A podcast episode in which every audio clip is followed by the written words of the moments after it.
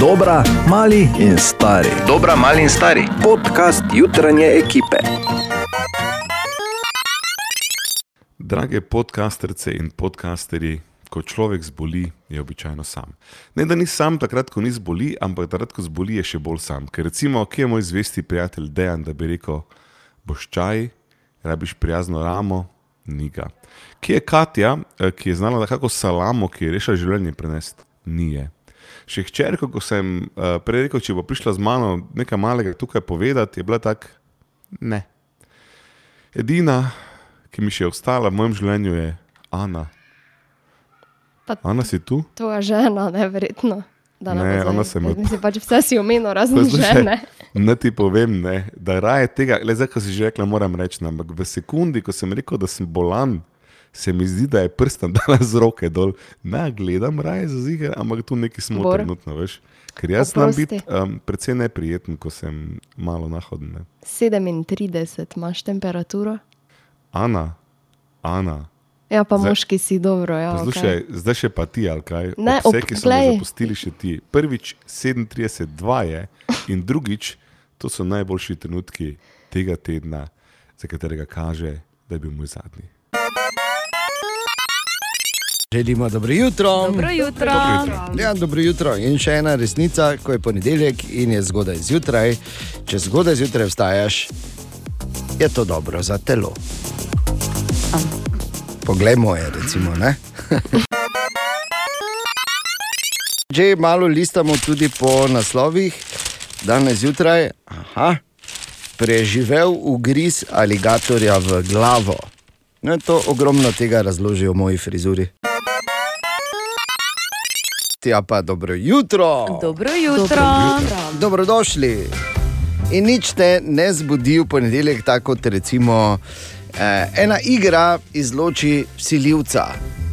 Oh, nič te ne zbudi v ponedeljek, tako kot recimo to, da se ne rabiš zbuditi. Ne? No, Če, Katja, ker to te, dajmo te dejansko nič ne zbudi. Ja, ne? ja, zdaj to. To je res. Ja. Čeprav sem se danes zbudil 15 minut pred budilko, sem imel neki občutek odgovornosti.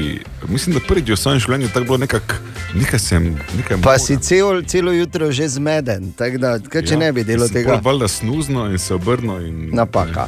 Ostalo. Ok, poslušaj, tri trditve, ena je vsiljivec.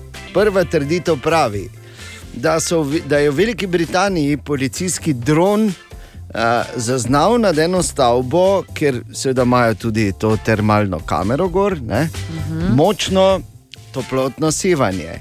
Mislili so, da so našli oziroma odkrili ilegalno gojišče ganže, uh -huh. našli pa so ilegalne bitcoin minerje. Ne vem, zakaj je to ilegalno, ampak tako so rekli. Illegal Bitcoin mining operation je bilo. Ne? Okay, to je te prav, ne? Ta že drži, ja, pa gremo dalje. Tako, Okay. Ja, kaj nisem nič rekel, lahko okay. da je tudi ta. Okay. Uh, druga, na TikToku so updateali uh, te pogoje poslovanja, s katerimi si se seveda strinjal ali strinjal, in s tem dovolila ali dovolil, da zdaj ob vseh ostalih podatkih uh, nabirajo tudi obrazne in glasovne odtise svojih uporabnikov. In pa tretja, uh, virtualni influencerji, to je dejstvo. drži. Ne, ne, virtualni influencerji so dejstvo, obstajajo.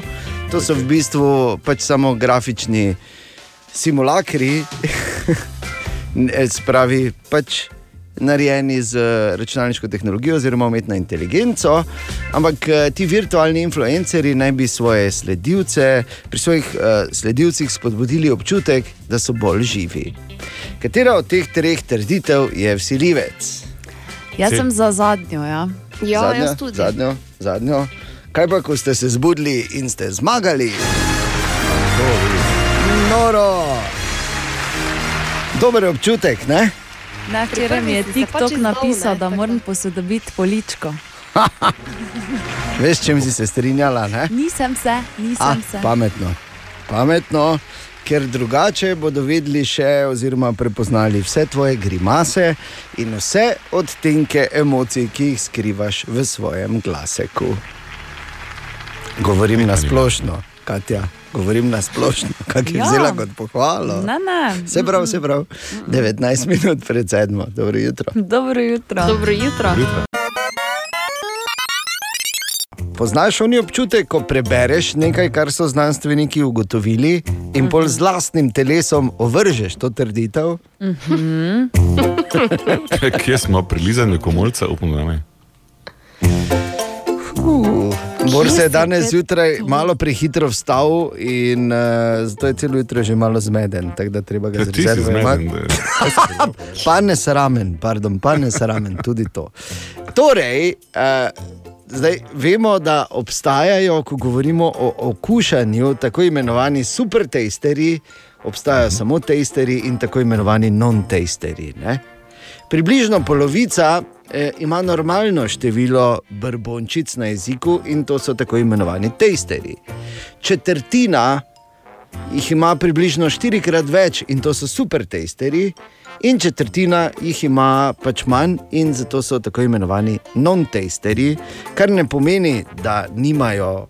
Uh, da, da ne okušajo, hoče se reči, da nimajo okusa, pa to nima veze. Uh, da ne okušajo, ampak pač ne tako dobro.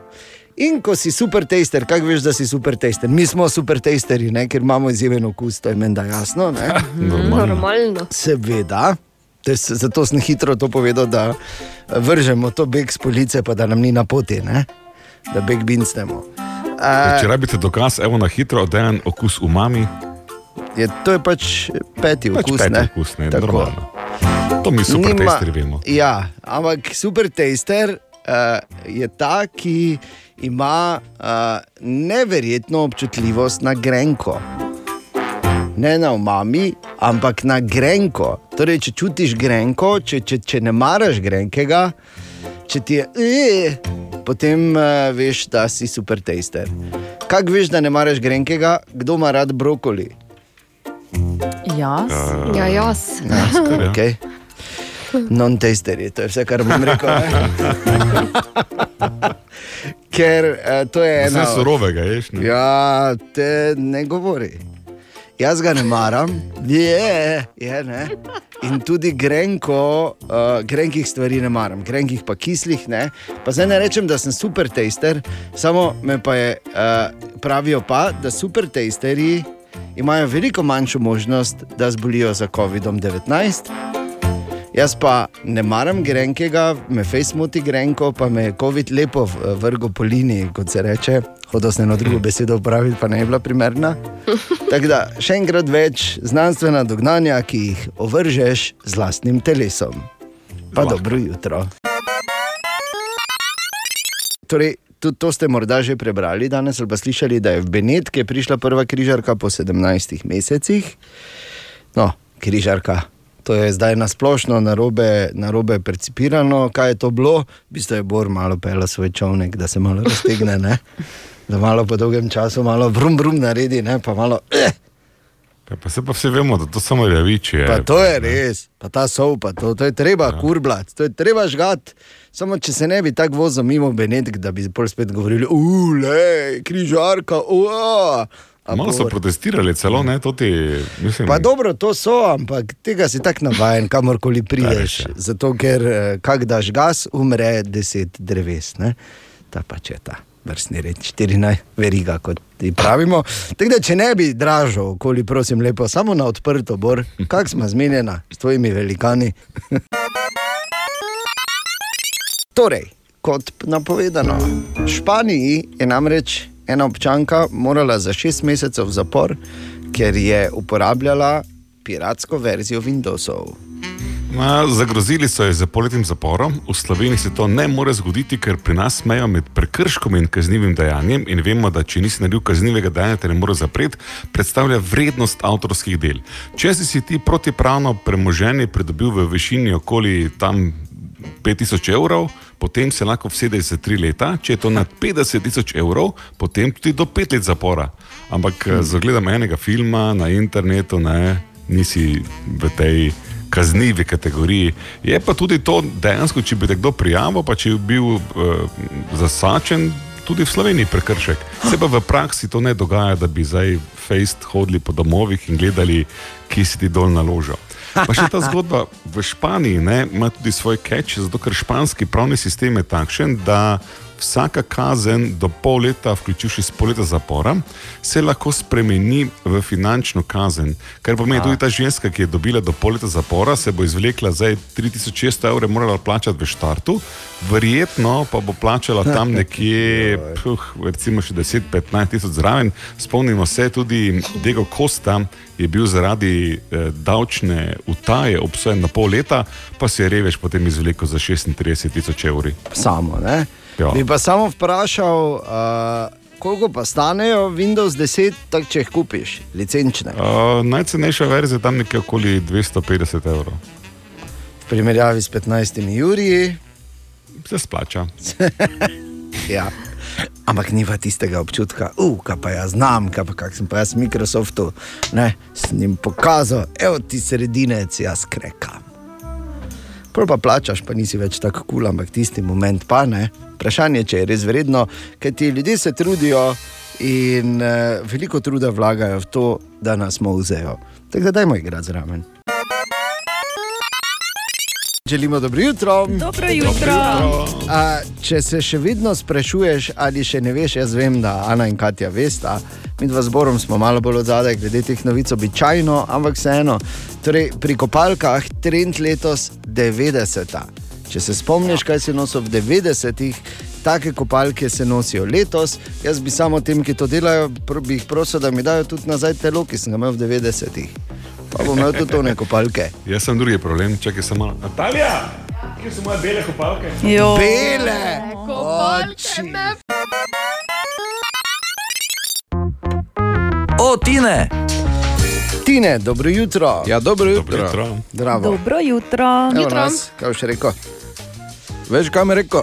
Da je sicer letos z malim zaostankom, ker pač je tako je, oziroma je bilo tako je bilo, ampak jaz sem, ker je dan 7. junija, komaj se meni začelo letos poletje, ker sem v kratkih in zdaj se do novembra ne slečem, pa mi je vseeno. Kaj bo? Tako Do da to je to. 7. novembra se ne boš preoblekel, Ne, sploh ne. ne, mislim, hlače se menjam, imam jih trojne, ne, ne vem, zdaj z istimi hodom. Eno, če si nekaj držal do novembra. ja, lepo, lepo. Tako da to bi bilo to, za dolge hlače, Res za leto, dva, za sezono. za Ne? sezono. Ja. Tako. Tako da to, eh, kaj sem hotel še reči. Aha, eh, Bor, Tine. še nikoli nisem slišal, da bi rekli enemu, eh, da bi poročali o kom recimo, da bi rekli, ne vem, dobili so ga, da bi imel ilegalno Apple, nekaj not naloženega. Nekaj. Tine, zato obstaja Daj, samo en zelo konkretni razlog. Ne? Ker ti, ki si lahko privoščijo, da iz zgolj napuha a Apple plačujejo trikratno vrednost stvari, ti imajo ne samo za hardware, tudi za software. Ja, seveda. seveda. Ja, raje plačuješ kazni, ne bo butlo vredno. Ko smo, če smo puni, smo puni, borka pa zdaj. Če si no, puni, si puni. Ja, malo pa ja. ja. Od, zaradi bogatije zaprto. Te ti napuha reži bi plačal, oziroma reži 15 kazen plačaš, ali, ali reži, eh, se sem. Dobro. Whatever. To je človek, ki ima bele kopalke še vedno in upam, da te nikoli ne bom videl v njih, Bor. Vsi to upamo. Sploh v mokrih. Okay, napovedal. Ko se, veš, ko malo črnina pritisne. Veš pa, ko pride tako ven, pa se tako pretegne. O, pala, ja. Se napne vse. Okay. Torej, kaj imamo danes, Tine? Torej, Črnino. Ja, črnino. Kaj si to misliš, črnino? Da je? Vreda je. Razloži malo. Ne, dobro je, ker nadaljujemo. Torej, eh, nikjer v Bibliji, to za jaz berem, nisem prebral Biblije, priznam, ne vem, da jam verjetno je trikrat. Ne, Ker cele. pač ni imel kaj delati, ne je šel Biblijo brati. Ne, torej, nikjer v Bibliji pa je ne piše, da je Satan oziroma hudič, eh, vladar pekla. Resno. Tako da ne vemo, da je odkot pač... ta ideja. Ja. Da je on glavni. Ja. Z Luciferom. Ne, ja, se to, Serije Lucifer. Dej, serije, Ja. ja. imajo tako. Res je. Od tam. Ne Nočem pa, zdaj pokvariti konca, ne, ampak je. Ne, ne smeš povedati. Katja. Si že prišel do konca? Ne, ne, ne. nehaj. Če ne bi videl Lucifer, še vest, šesta sezona bo snemana, ne veš še pa kdaj. O črnina. Bibliji, ker je črnina pritiska. Bo šesta sezona, črnina. Povedal bi samo to, ali ste videli, da je Maradona dobil svoj kip v Argentini. Smo videli to mogoče? A, ne, ampak smo pa veseli tega. Ja, absolutno. Pri, tudi pričakovano, glede na to, da je imel status božanstva uh, v, v svoji uh, domovini, Diego Armando Maradona, ampak še enkrat več se je pokazalo, sem jaz pogledal ta kip, pa jaz sem Maradono doskrat videl, sicer ne v živo, ampak na televiziji in v razno raznih filmih, dokumentarcih in tako dalje. In ko gledam zdaj ta njegov kip, lahko rečem samo eno, ko me enkrat več ne bo. Karkoli delate, prosim, ne mi kipa postavljati, prosim. Vesolje. To je kraj neskončnih širjav in kraj, kjer blizu modremu planetu kroži med drugim tudi Mariborski nanosatelit, ki je tam gori, kako dolgo zdaj, 9 mesecev, nekje born. Ne? Ja, od 3. septembra. Tako. lani. 9 mesecev je gori, sicer res da ne sodi med največje, še več sodi med najmanjše, ampak je neugoden in če pravi Mariborski satelit zdaj že počasi organizira prve proteste. Ampak v vesolje naj bi letos, konec oktobra, tudi končno izstrelili teleskop Jamesa Webba. In to je velika, monumentalna stvar pri raziskovanju eh, vesolja in bo prinesel ogromno novih podatkov in znanj, ko bo enkrat deloval. Je tako, David? Ja, ko bo deloval, oziroma ko bo utirjen, bo raziskoval nekaj, kar še ni bilo precej dobro raziskovano z nobenim drugim teleskopom. Zgodba z njim pa je precej stara, za misel se je namreč pojavila že ob koncu 80-ih let. Profesor Igor Žiberna pa je odreagiral tako, ko sem ga poklical in mu omenil ta teleskop. Koliko časa imamo za to? Ja, in tukaj se lepo sliši, da je zgodba s tem res zapletena in pa dolga. Kakorkoli zadnji testi se že opravljajo in vseeno se cilja na 31. oktober kot datum izstrelitve, namenjen pa bo za opazovanje infrardečega spektra. V tem delu, ne, oziroma pri teh valovnih dolžinah, sevajo nekoliko hladnejša telesa, ki jih mi seveda z optičnimi teleskopi ne, ne moremo zaznati. Ne. Torej, hladnejša telesa, tudi manjša telesa, na ta način bi lahko recimo odkrivali eh, ne samo kakšne manjše zvezde, ampak recimo tudi bolj oddaljene planete. In tako bi lahko tudi našli Zemlji podobne planete, kajti metode, ki jih imamo zdaj za ugotavljanje, kaj je na drugih planetih okoli drugih zvezd, so dokaj nenatančne. Zelo težko zares vemo, kaj se tam zunaj dogaja. Ta teleskop pa ima nalogo prav to spremeniti, med drugim. No, lepo, teleskop Jamesa Webba. Konec oktobra gre gor in kmalo bomo torej vedeli več. In to bo te, v temeljih spremenilo vse, kar uh, pač vemo, oziroma kako razmišljamo tu na Zemlji. Ne bom držal sape, da se bo Ne, zgodilo, ampak prosim, ja. sliši se pa lepo. Ne? Dobro jutro. Dobro jutro. Dobro jutro. Ja, no, pozdravljeni, delek je, to vam rad.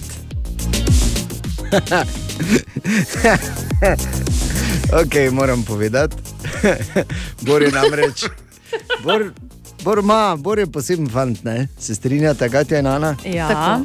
In eh, ko bere novice, in ko konča, v bistvu je on kar hladen, ne? nobenega znaka. In pol me sprašuje, če meni kaj ne štima. Se reko, ne, ne. Sam pač nekako naznači, ker tvoje truplo samo od sebe torej to ne sporoča. Ker to je tako, da gledaš mumijo ne? v Kajru, v muzeju. Tudi lahko gledaš, gledaš, ona je primero. Ne? Samo je. Tako, šampion kamenih obrazov. Pol smo, pol smo, Ne, pol smo valjda na sem napisali, kaj naj zaskovikam naj, ali kaj, ker mahno sem. Ne? Mahno si mogoče ti v mislih ali pa z nečim, kar je bilo skrito pod mizo. torej, ne bi dali naših problemov majmunu na skali. Tako Da, karkoli se ti dogaja, se ti bo zgodilo danes, si lahko miren ali mirna, tako hudo ne bo. Torek, 8. juni, pišemo danes in želimo dobro jutro. Dobro jutro. Dobro jutro. Ja.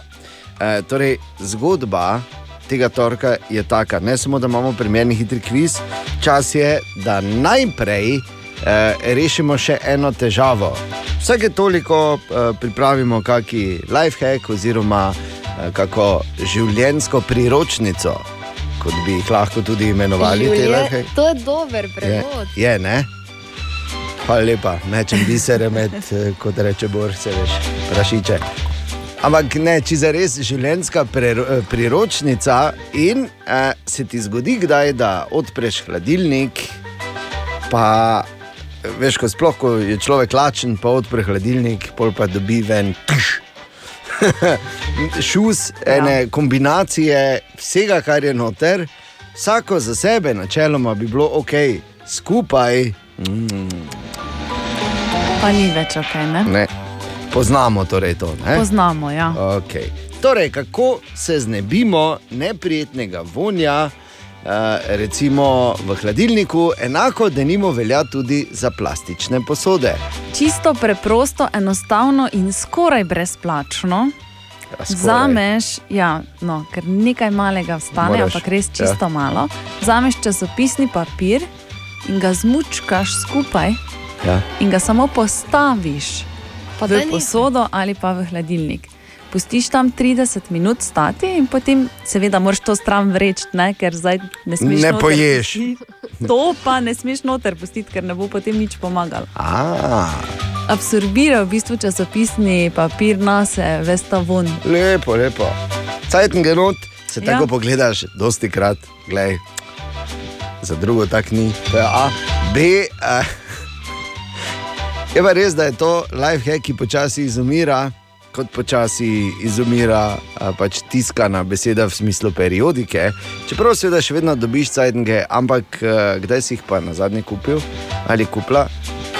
In eh, po drugi strani smo pa zavedno varni, če reklame štejejo. Listamo malo po naslovih, danes zjutraj, in tu je še en, bosanski tajkun bi rad gradil ob Lentu v Mariboru. Bor ni, ni tvoja družina iz Bosne? Web, web, web, web check. Namreč tu je pregled dogajanja, eh, mislim, tako en mali špric tega, kaj se dogaja na družbenih omrežjih, na spletu, Katja, povej. Ja, Megan in Harry, ki sta se v petek 4. junija razveselila svojega drugega otročka, črko Lepo. sta dobila. A, nekaj časa še nista povedala, kako ji bo ime, sta pa le to ime torej razkrila danes po noči. Mm. In v bistvu je prav posebno. Lil, Lilbet Diana. A, Torej, v bistvu sta se s tem poklonila tako kraljici Elizabeti, kot tudi Harryjevi. Ja, mami. zato ker so, če smo, smo gledali serijo The Crown, Mhm. Lilibet so klicali namreč eh, tudi kraljico Elizabet, ko je bila mala. Točno je, pokojni mož je tudi klical Lilibet, ja. pravzaprav pa najbolj njen oče, kralj Juri VI. Juri. Wow. Ja, George, Ti dosti ja. veš, ne? Pač- O kraljevi To je Romuniji. Juri po slovensko, veš, Katja? Ja, v redu je. Zdaj Tako si- kot je sveti Juri ob ščavnici, v Angliji bi bil St. George, pa je ščavnica. Okay, dobro. Samo da smo rešili. Ne? okay. Kim Kardashian še vedno uporablja tako primek Kardashian kot pa tudi West. Lepo. Zakaj? Zato, ker to tako lepše zgleda. Aha. Dobro. Jaz Je mislim, pa- zato, ker je Kanye taki frajer. Ne, ne, v bistvu zato, ker lepše zgleda, ko daj avtograme. Uh, je pa v tej zadnji oddaji, ki smo jo lahko spremljali, Keeping Up, with Kardashians, Ja. uh, povedala, da se počuti kot popolna zguba zaradi tega, ker je to zdaj že tretji zakon, ki je šel po Kobe.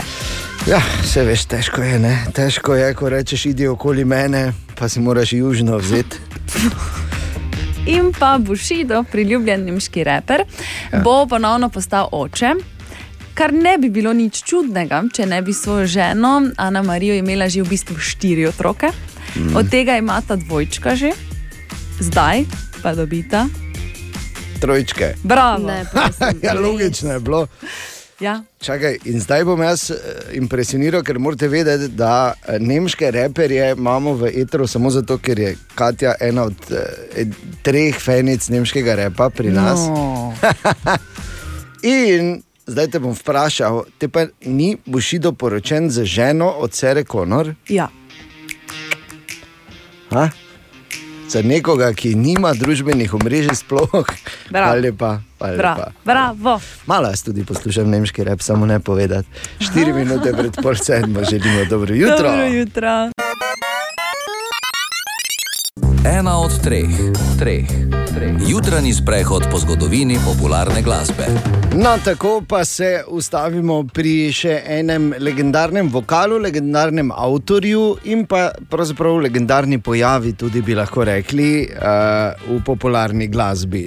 Danes praznuje svoj 61. rojstni dan Michael James oziroma Mick Hucknall, Mick Hucknall, ki je uh, tisti ta glavni v skupini Simply Red. In zakaj tudi pojava, jasno, Simply Red je bend, ki je dobil ime po njegovih uh, ognjeno rdečih laseh. Čeprav imamo mi dva s Katjo zdaj že vrsto let eno debato, v kateri želim, da bi Katja zmagala, ko mi vedno reče, da je Simply Red dobil ime bend namreč uh, zaradi njegove goreče ljubezni do Manchester Uniteda. Ja. Kar bi se sliši zelo dobro. Ne? Zelo prav se sliši, samo pa žal ni. Mik Haknel na glasbeni sceni od konca 80-ih, eh, svoj čas bil znan tudi kot prvi sveder angleške pop scene, če me razumete. Mm -hmm. ne, nobena ni bila varna pred njim. Ampak eh, tudi nobena lestvica pred hiti, simpli redov, ki delajo taki, bomo rekli, uh, RB, pop RB, oziroma Blue Eyed Soul, kot tudi rečejo temu tipu glasbe. S hiti kot so recimo Something Got Me Started.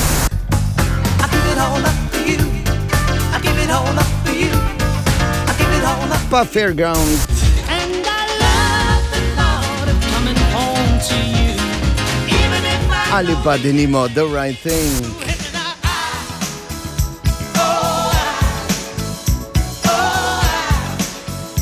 So samo v bistvu drobec teh, s katerimi je Mik navdušil v praktično štirih desetletjih glasbenega ustvarjanja. Tako da, Mik, vse najboljše, Vse naj naj. tako da bi sveder še vrtal in pa uh, simpli red, takoj po oglasih. In tako se vrača premierni hitri kviz, ponovno gremo v Maribox, ponovno te lahko povabimo v kino, kar je seveda enostavno super. E, nič 2, 290, 90, 90, kdo je z nami, dobro jutro? Dobro jutro, Aleksandr tukaj. Dobro Aleksandr. jutro. Zdravo, Aleksandr. Dobro jutro. Dolgo se že nisva slišala, Aleksandr, ne? Res, res. Ja, nič ne pokličeš, tako je.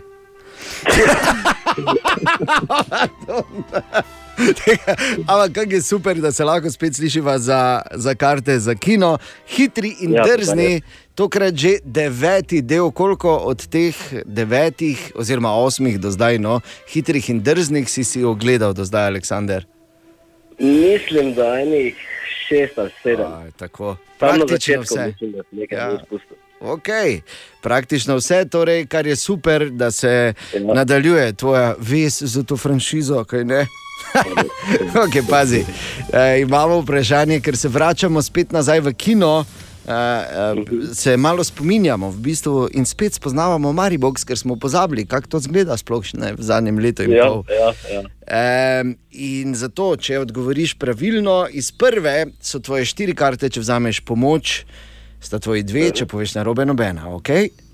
Torej, koliko kinodvoran je v Mariboku, Aleksandr? Ali jih je 11, ali jih je 10, ali jih je 6? Mislim, da deset. Misliš, da 10. Ali je 10 dvoran v Mariboku, bo povedal Stipe Jerič. V Mariboku imamo deset kinodvoran. Tako je, ja pa kaj, senor, Aleksandr, poznavalec. v drugem času. Ja. tako, ti in še tri tvoje, trije tvoji gostje, oziroma gostje, tako da imejte se fenomenalno, se vidimo v petek v Mariboku, Aleksandr, super, te je bilo slišati po dolgem času, krasen torek ti Ja, želimo. Enako vam sem. Okay, adijo. O, Tine! Tine, dobro jutro. Dobro jutro, Tine. Naj ti, jutro. naj ti Dobro jutro. predstavim, debeli. Zdrav ti ne. Ga čuješ? Je to to, ne? Oh, ja. Kaj te je, bor? Pa malo sem prehlajen, ne zgleda. ne nehaj, ne bi nikoli Ja. rekli. Prvič Začela se je pri pacijentu nula ali Juliji, ne, zdaj pa samo pač gre po šipkih točkah. S Tinetom sicer razvijava teorijo, glede na to, kako dolgo si ti v tem tvojem lastnem mehurčku noter, ne, da obstaja verjetnost, da se je muha pri sosedu posrala, pa te je prehladila.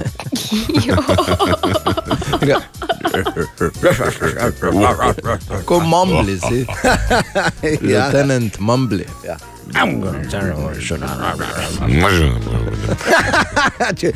Tako je začel mambli, mrže. maže, maže, maže. Sta- Stari mambli je začetek, maže, maže, maže. Dobro, Tine, kaj imamo danes, razen debelega?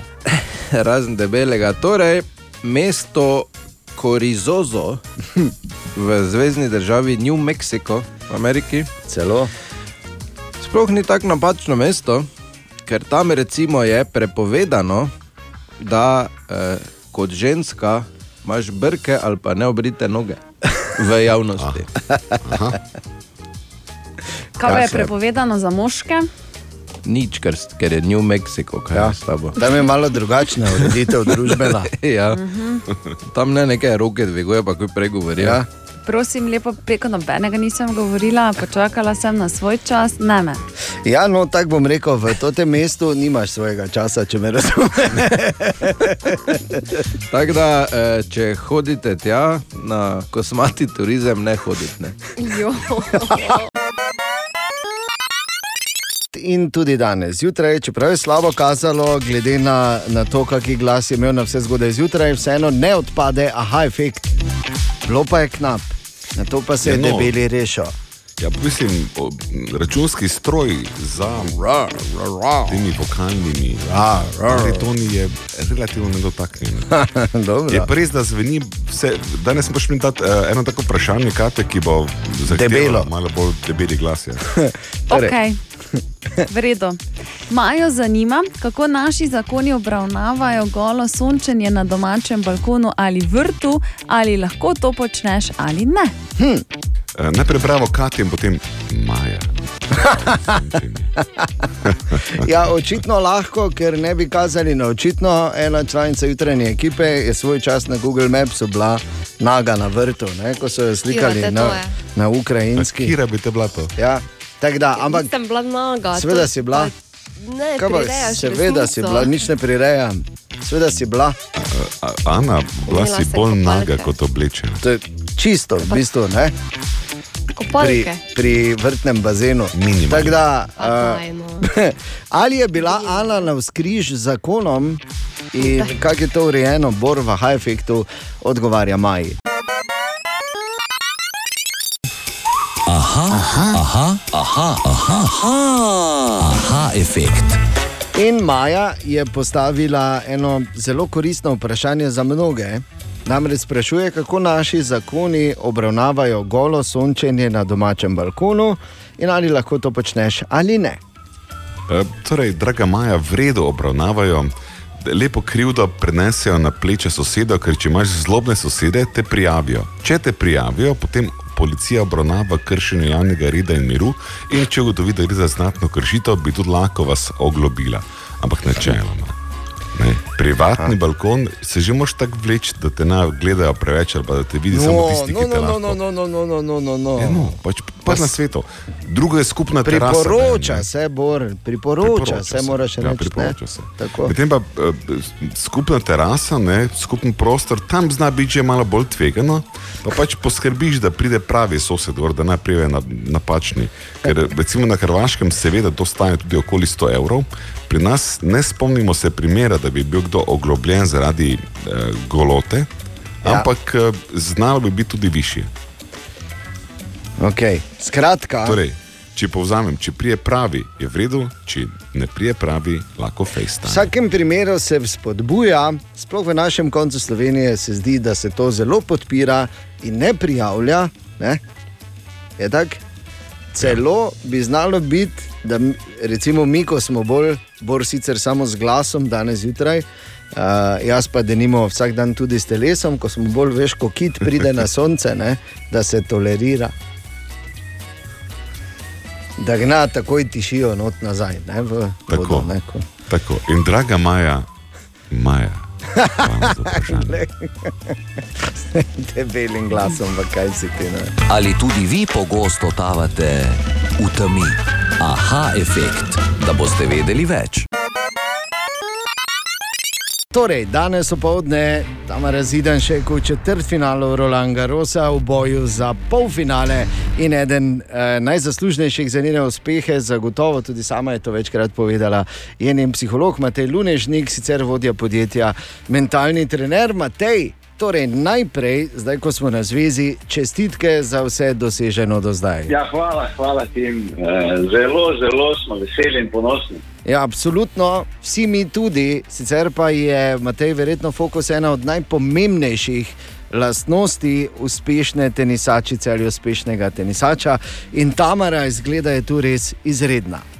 No, eh, zdaj vrhunski rezultat je slika z dosti eh, malimi delčki. Ne? in Težko je zdaj reči, eh, kateri delček je najbolj pomemben. Eh, Pomembno je, da se verjameš, da, da, da veš, kaj moraš početi v tistih trenutkih, ko so najbolj pomembni, ne, kar se eh, fokusa tiče, in eh, da enostavno vztrajaš, da bo šel do konca in da, da točno veš, da želiš zmagati. Ampak se pravi, ne, Tamara, recimo v prvem kolu je bila že, uh, je imela Andrejesko že med žogo. In tistih par centimetrov bi lahko odločila, da bi se zadeva čisto drugače končala. ne. Tako da mm. Uh, ni samo fokus, veliko stvari je, ki tu pripomorejo k tej uh, lepi sliki zdajšnji, ampak uh, še enkrat mi smo neverjetno veseli, ponosni na njo in komaj čakamo, da, da pride četrt finale. Tako, ne bo treba več dolgo čakati, slabe 4 ure, še sicer pa Matej, da povej, kaj imamo to mi dva s temi tvojimi bosimi sprehodi po Parizu. A? Ja, eh, pač rekel sem že lani, ko je Mogoruza igrala, ker je Mogoruza res bila dobra, pa eh, zmagala že Roland Garros, neko gledaj, če pa njo premagaš, grem pa bos, to bo jeseni, kar mogoče bo malo težje kot zdaj. Eh, in sem pač to stavo prenesel od lani že na letos. Ne, in, Ker je zmagala, sem jo lepa, vsakič grem pes, če bo zmagala, ni problema. Tako da zdaj me že po Parizu malo poznajo. Okay. Bosi štajerc, ne, smislijo. Ampak, eh, gled, pa tu, če treba po rokah iti, dejansko Tamari gre fenomenalno. In uh, Matej, tu zdaj vprašanje samo po sebi, kako daleč v bistvu lahko gre Tamara. Ja, gledaj, zdaj, mislim, veš, meč po meč, eh, gremo v četrt finale, ne bomo letali visoko. Tako da, kar daleč, jaz mislim, da ni mej. In Tamara svojo igro, ki je prikazala včeraj, pa res ni mej, ne? ker je tu pa je bila od začetka res, res uh, sfokusirana, držala se tiste, kaj smo se zmenili, tudi so to prikazala, ker dejansko je na pesku zelo močna in gremo v četrt finale, pa potem se pogovarjamo za polfinale in tako naprej, če bo, če bo tako dobro igrala. Da se ne bojim, da, da ne bi zmogla vsega. Ok, tudi mi ne, pravzaprav Matej. In uh, kaj naj rečem, hvala za tvoj čas eh, iz Pariza, uh, danes zjutraj, ki si, ki si nam ga namenil in jasno bomo držali pesti. Ja, hvala. No. Uh, hvala je pa še ena skrivnost tukaj. Uh, namreč uh, rekla mi je, da nima preveč motivacije za, za igranje. Po pa se neko gledaj, če zmagaš, ti bo ta šalca patinček zapela pegasto dekle. Tako da, eh, po pa rekla, ok, zdaj pa grem.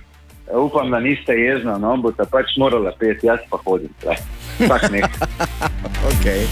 Zagotovo ne, uh, Matej, hvala lepa, prenesi še enkrat uh, vse naše dobre želje in da držimo pesti za Tamaro, tako da imamo bele členke, že zdaj, pa so še slabe 4 ure v bistvu do njenega četrtfinalnega meča.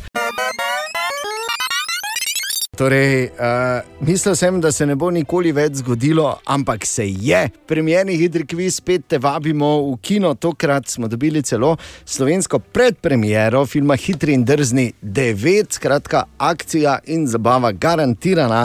Gremo v Maribox in ti lahko dobiš karte danes skozi vse dan, v tem trenutku pa je z nami kdo? Halo? Halo? Halo? Zdravo. Veš kaj, uh, imeli smo težave z, z zvezo oziroma z slabim signalom, da vidimo, halo, dobro jutro. Ja, jutro. Pa ne ti. Ja, pa dobro, no. Oj, že par zapored kliče, mislim, da je Rudi rekel, da je, pa je bilo samo še več. A, je, a, a, a, a, ok, torej, a, a, Rudi, mislim, da sem prav slišal, zdaj lahko da sem si ime tudi zmislil, ampak glej. Ker je Rudolfina, pa se samo Rudi dobo. Ne? Ne, ne, ne, je moški. Gle- bo, bo Bor igral na mesto tebe, ker Tako. Si vseeno pravi čas poklical. Bor bo Tako, igral na mesto tebe. In če zmagam, dobiš ti karte. Tako, tako, Bor igra Dragi za Rudo, tebe. domnevno Rudi, lahko je Rudolfina. Ja, ne vem, lahko da je drugače. Ja. Imam telefonsko, tako da ni problema, bom zrihtala. Pazi zdaj, Bor, ti igraš. V redu? Ja, In se sicer- razumem, jaz ne poznam odgovora, tako da je absolutno napeta. torej, uh, ker se vračamo v Maribox, poskušamo uh, se seveda spet spomniti stvari o tem našem, o našem kino središču. In za to vprašanje, če poveš iz prve štiri karte, igraš za poslušalce, domnevno rudija, kako ve, ker ima, ki ima slab signal, ampak si res ful želi v kino. Um, Ker recimo sem poznal na Renato Rudič. Ne? Daj če mir, se- no. Ja, no, gled, tudi tu je Rudi. No. Nehaj pa No. poslušaj pravila. Če govoriš iz prve, so tvoje štiri karte, oziroma so Rudijeve štiri karte. Če pa poznam pravila, pomoč- jaz. Ja, pa ti daj- povem vseeno. Vprašanje. Okay. Torej, na katerem mestu po velikosti med slovenskimi kinematografi je Maribox? Ali je prvi, ali je drugi, ali je šesti? Kaj bi vzel pomoč? Uh, jaz mislim, da je Maribox največji kinocenter v Mariboru, ker ima 10 kinodvoran. V Sloveniji sprašujemo. V Sloveniji, ja. Ne, ali je največji v Sloveniji, ali je drugi največji v Sloveniji, ali je šesti največji v Sloveniji. Ja. V Mariboru je prvi največji, ne? medtem ko je v Sloveniji Kaj drugi kdo? največji. Torej, drugi največji je tvoj odgovor. Ja. Okay, da Ja, vidimo, kako ali je pravilen odgovor. Bo, bo povedal, na finto najprej dobiti, ne, če nisem vedel. Stipe A, Mislim, Jerič. vedel sem, samo pač tako se reče. Ne? Daj, čakaj, da vidim, če si pravilno odgovoril za Rudija Seveda za štiri sem. karte. Maribox Nisem. je drugi se... največji kinocenter yes. v. Sloveniji. Tako, po milosti od zgoraj je uspel Rud, domnevno Bravo, Rudiju Borgranje Rudi. ne. priigrati štiri karte, ker glej, zdaj, ko se vračamo v kino, pa nam res ne bo taka stvar, kot je slabi signal, stala na poti. Ne, Pej! šanse ni. Je tako. Ker Če vemo, da Čestitke. 5G je za marsikaj verjetno kriv, ne? čeprav ga še ni čisto, ampak se vseeno. Domnevno, Domnevno. domnevno Rudi je dobil štiri karte in se vidimo v petek, ti pa lahko spet igraš premjerni hitri kviz in upam, da boš imel ali imela boljši signal, eh, ponovno po novicah ob desetih. Med zanimivejšimi naslovi danes zjutraj je tudi ta, da ima Jeff Bezos, vemo, kdo je Jeff Bezos, ne? Seveda. Seveda. ta, ki se poslavlja od Amazona, še en zid fraj. Namreč 20. julija bo s svojim bratom bosta člana prve posadke, ki jo bo njegov uh, Blue Origin, torej ta uh, uh, torej, uh, družba, ki vozi v vesolje. Ki bo prva odpeljala potnike v vesolje, komercialno, seveda, za teh 11 minut, uh, bosta prva potnika, imata pa še en zid fraj. In ta en zid uh, sta dala na licitacijo, trenutno je cena 2,8 milijona dolarjev. Pa me zanima, Bor, dokoliko boš spustil, preden boš čapnil. Web, web, web, web check. Torej, kaj pišejo, o čem se menijo, kaj slikajo, Katja? Bigfoot imamo, poznamo, ne? Če, če poznamo, halo.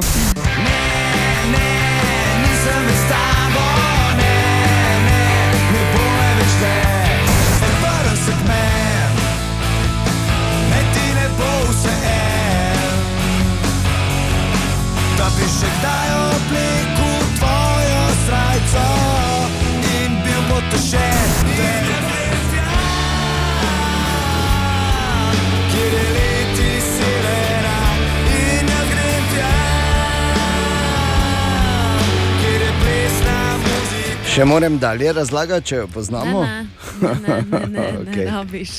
Vrhunski. No, eh, čaka jih izdaja novega albuma in sicer ta bo eh, prvič izšel v akustični izvedbi. Da nehaj, lepo. Ja.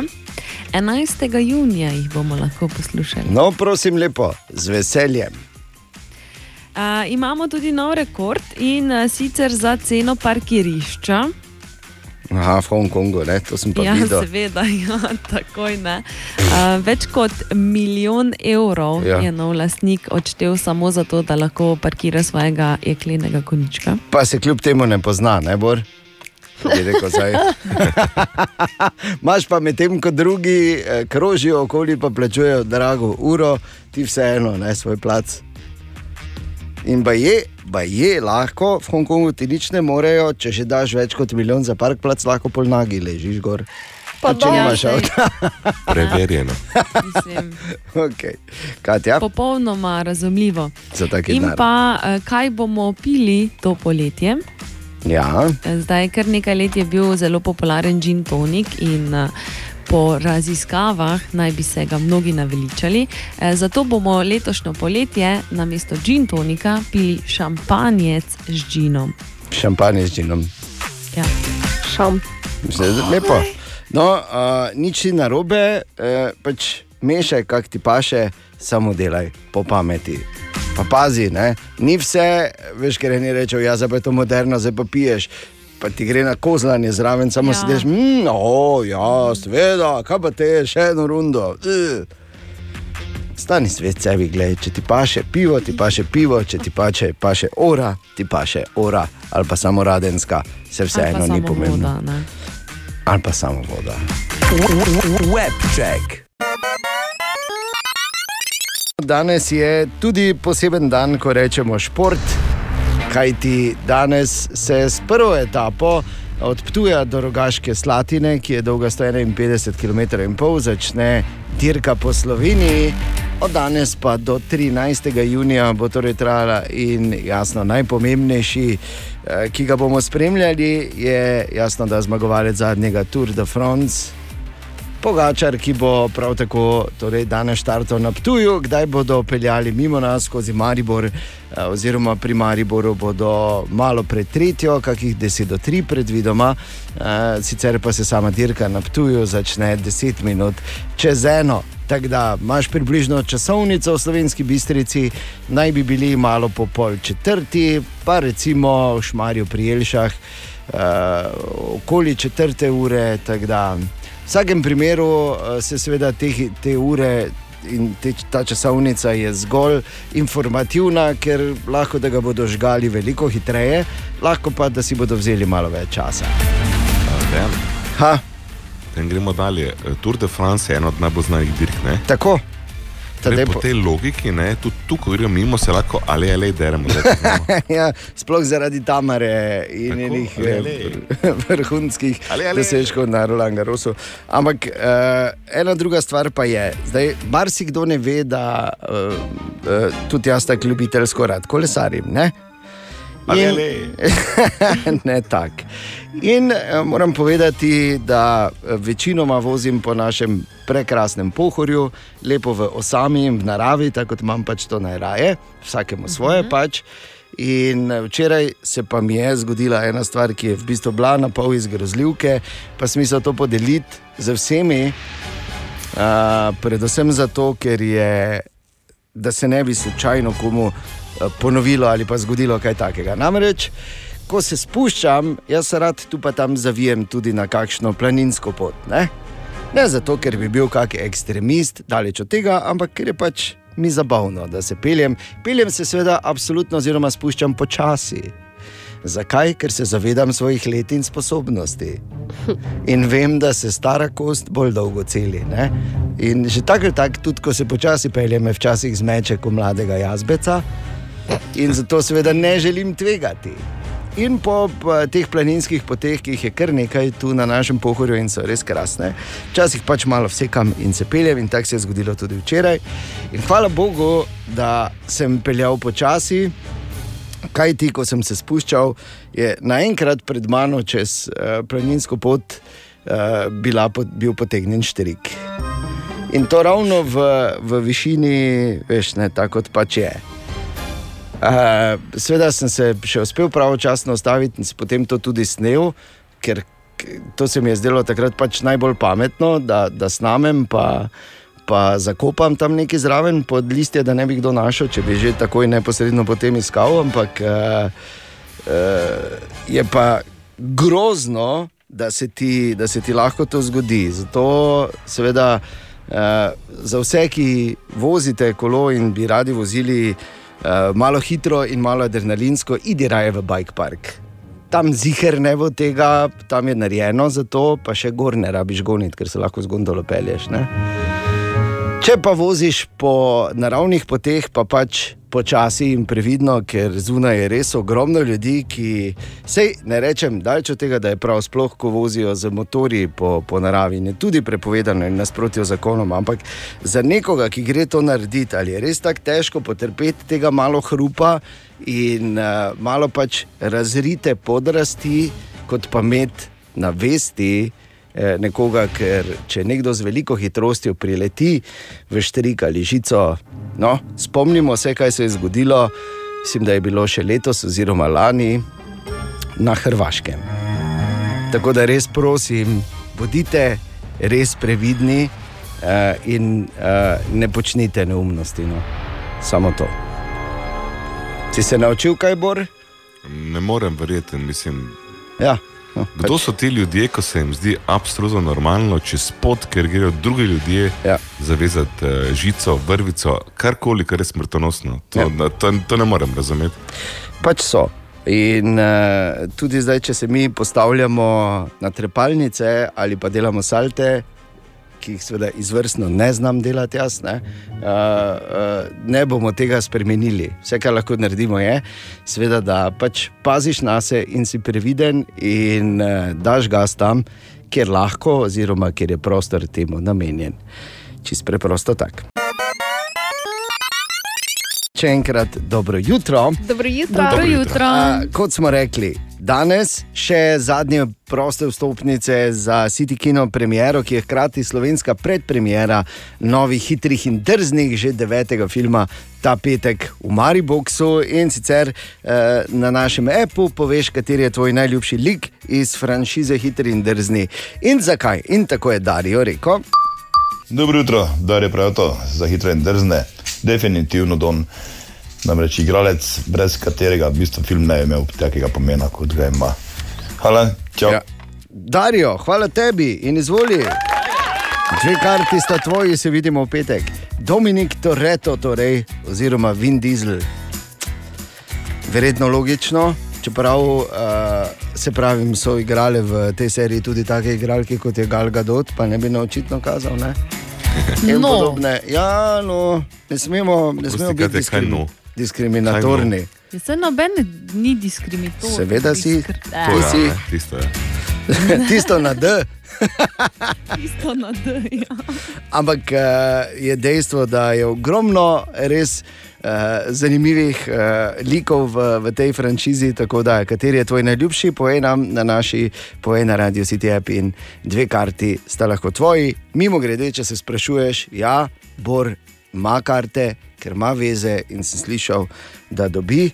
Uh, in da se celo gre testirati, zato da bo lahko šel gledati film. Ker pač ima veze. Testirati, testirati, po mojem, bojo kaj tak poslali na meni. Saj se veš. Ker on le ima veze, ne. pa pun je kot Džajč. želimo dobro jutro. Dobro Dobro jutro. jutro.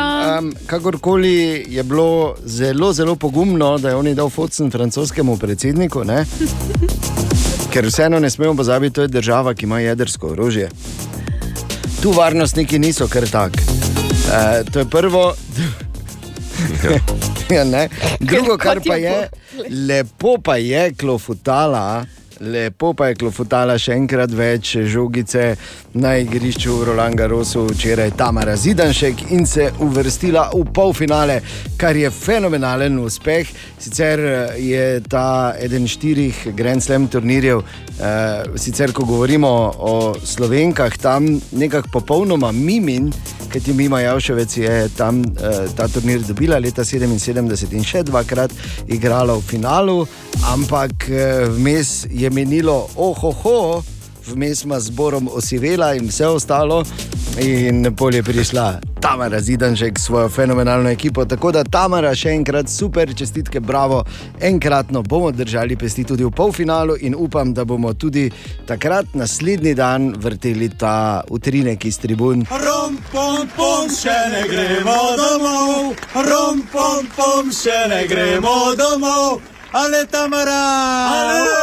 Ja, bravo, Tamara, res. O, Tine! Tine, dobro jutro. E, čakaj, zdaj bom probo samo. Okay. E, Juregeld Kivanok. Igen, igen. Ja, treniram, veš, ker tako kot kaže, se enkrat zbudil, pa Ja, tako kot smo rekli, mačari bor. pa pik salamo imel samo v hladilniku. Če boš imel v hladilniku, boš tako Dobro. lahko dobre volje, ne? ker pik salama se lahko marsikje znajde. Ja, veš da. Oziroma ne v hladilniku, ampak v- hladilniku. hladilniku. Kako se te hladilnik reče po mačarsko? Hladilnik. Pa, sem pa tako nežno, moraš reči. Ne? hladilnik, hladilnik. Problem je, če hočeš reči sir, ne? ker ne moreš narediti uh, preglasa na i. Ne, no. Sur. Sur. Da gre, ne. To je finsko. To je finsko, ja. Ali pa turško.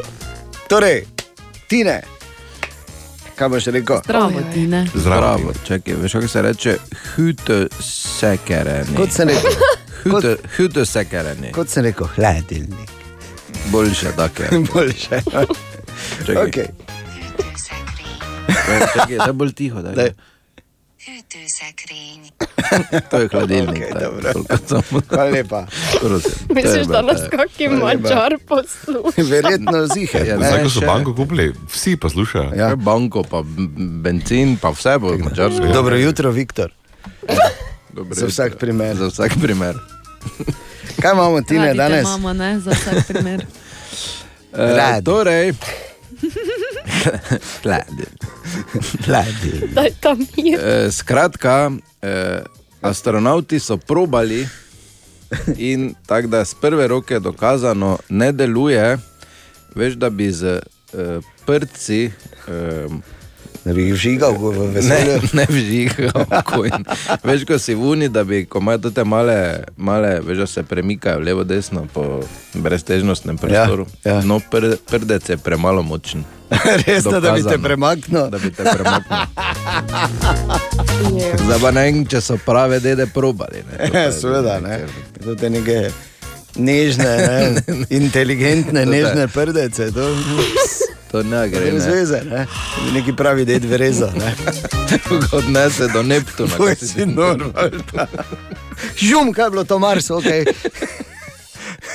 Tako da vredi. Kaj je bilo to, nič, Joža Fižola, je dobro. Se bo prižal nazaj, mogoče, če se bo obrnil. Hvala lepa, Tine. Prosim. Ja, prosim. Prosim, ja, hladilnik. In tako tudi danes pozdravljamo našega El Primota, Matej, dobro jutro. Dobro jutro, dobro jutro. Dobro jutro. Včeraj, če si hodil po, uh, po Framu ali po morju, pri Framu nisi mogel med 12 in 2 uro videti Mateja in mene, ker smo gledali tenis. Ja, jaz eh, tako z enim očesom, ki sem delal, ne, ampak zagotovo pa recimo v konicah. Uh, je včeraj marsikaj stalo in tudi jutri bo, kajti tam razidenšek je naredila spet en eh, fenomenalen dosežek eh, z zmago v četrtfinalu in eh, zdaj seveda.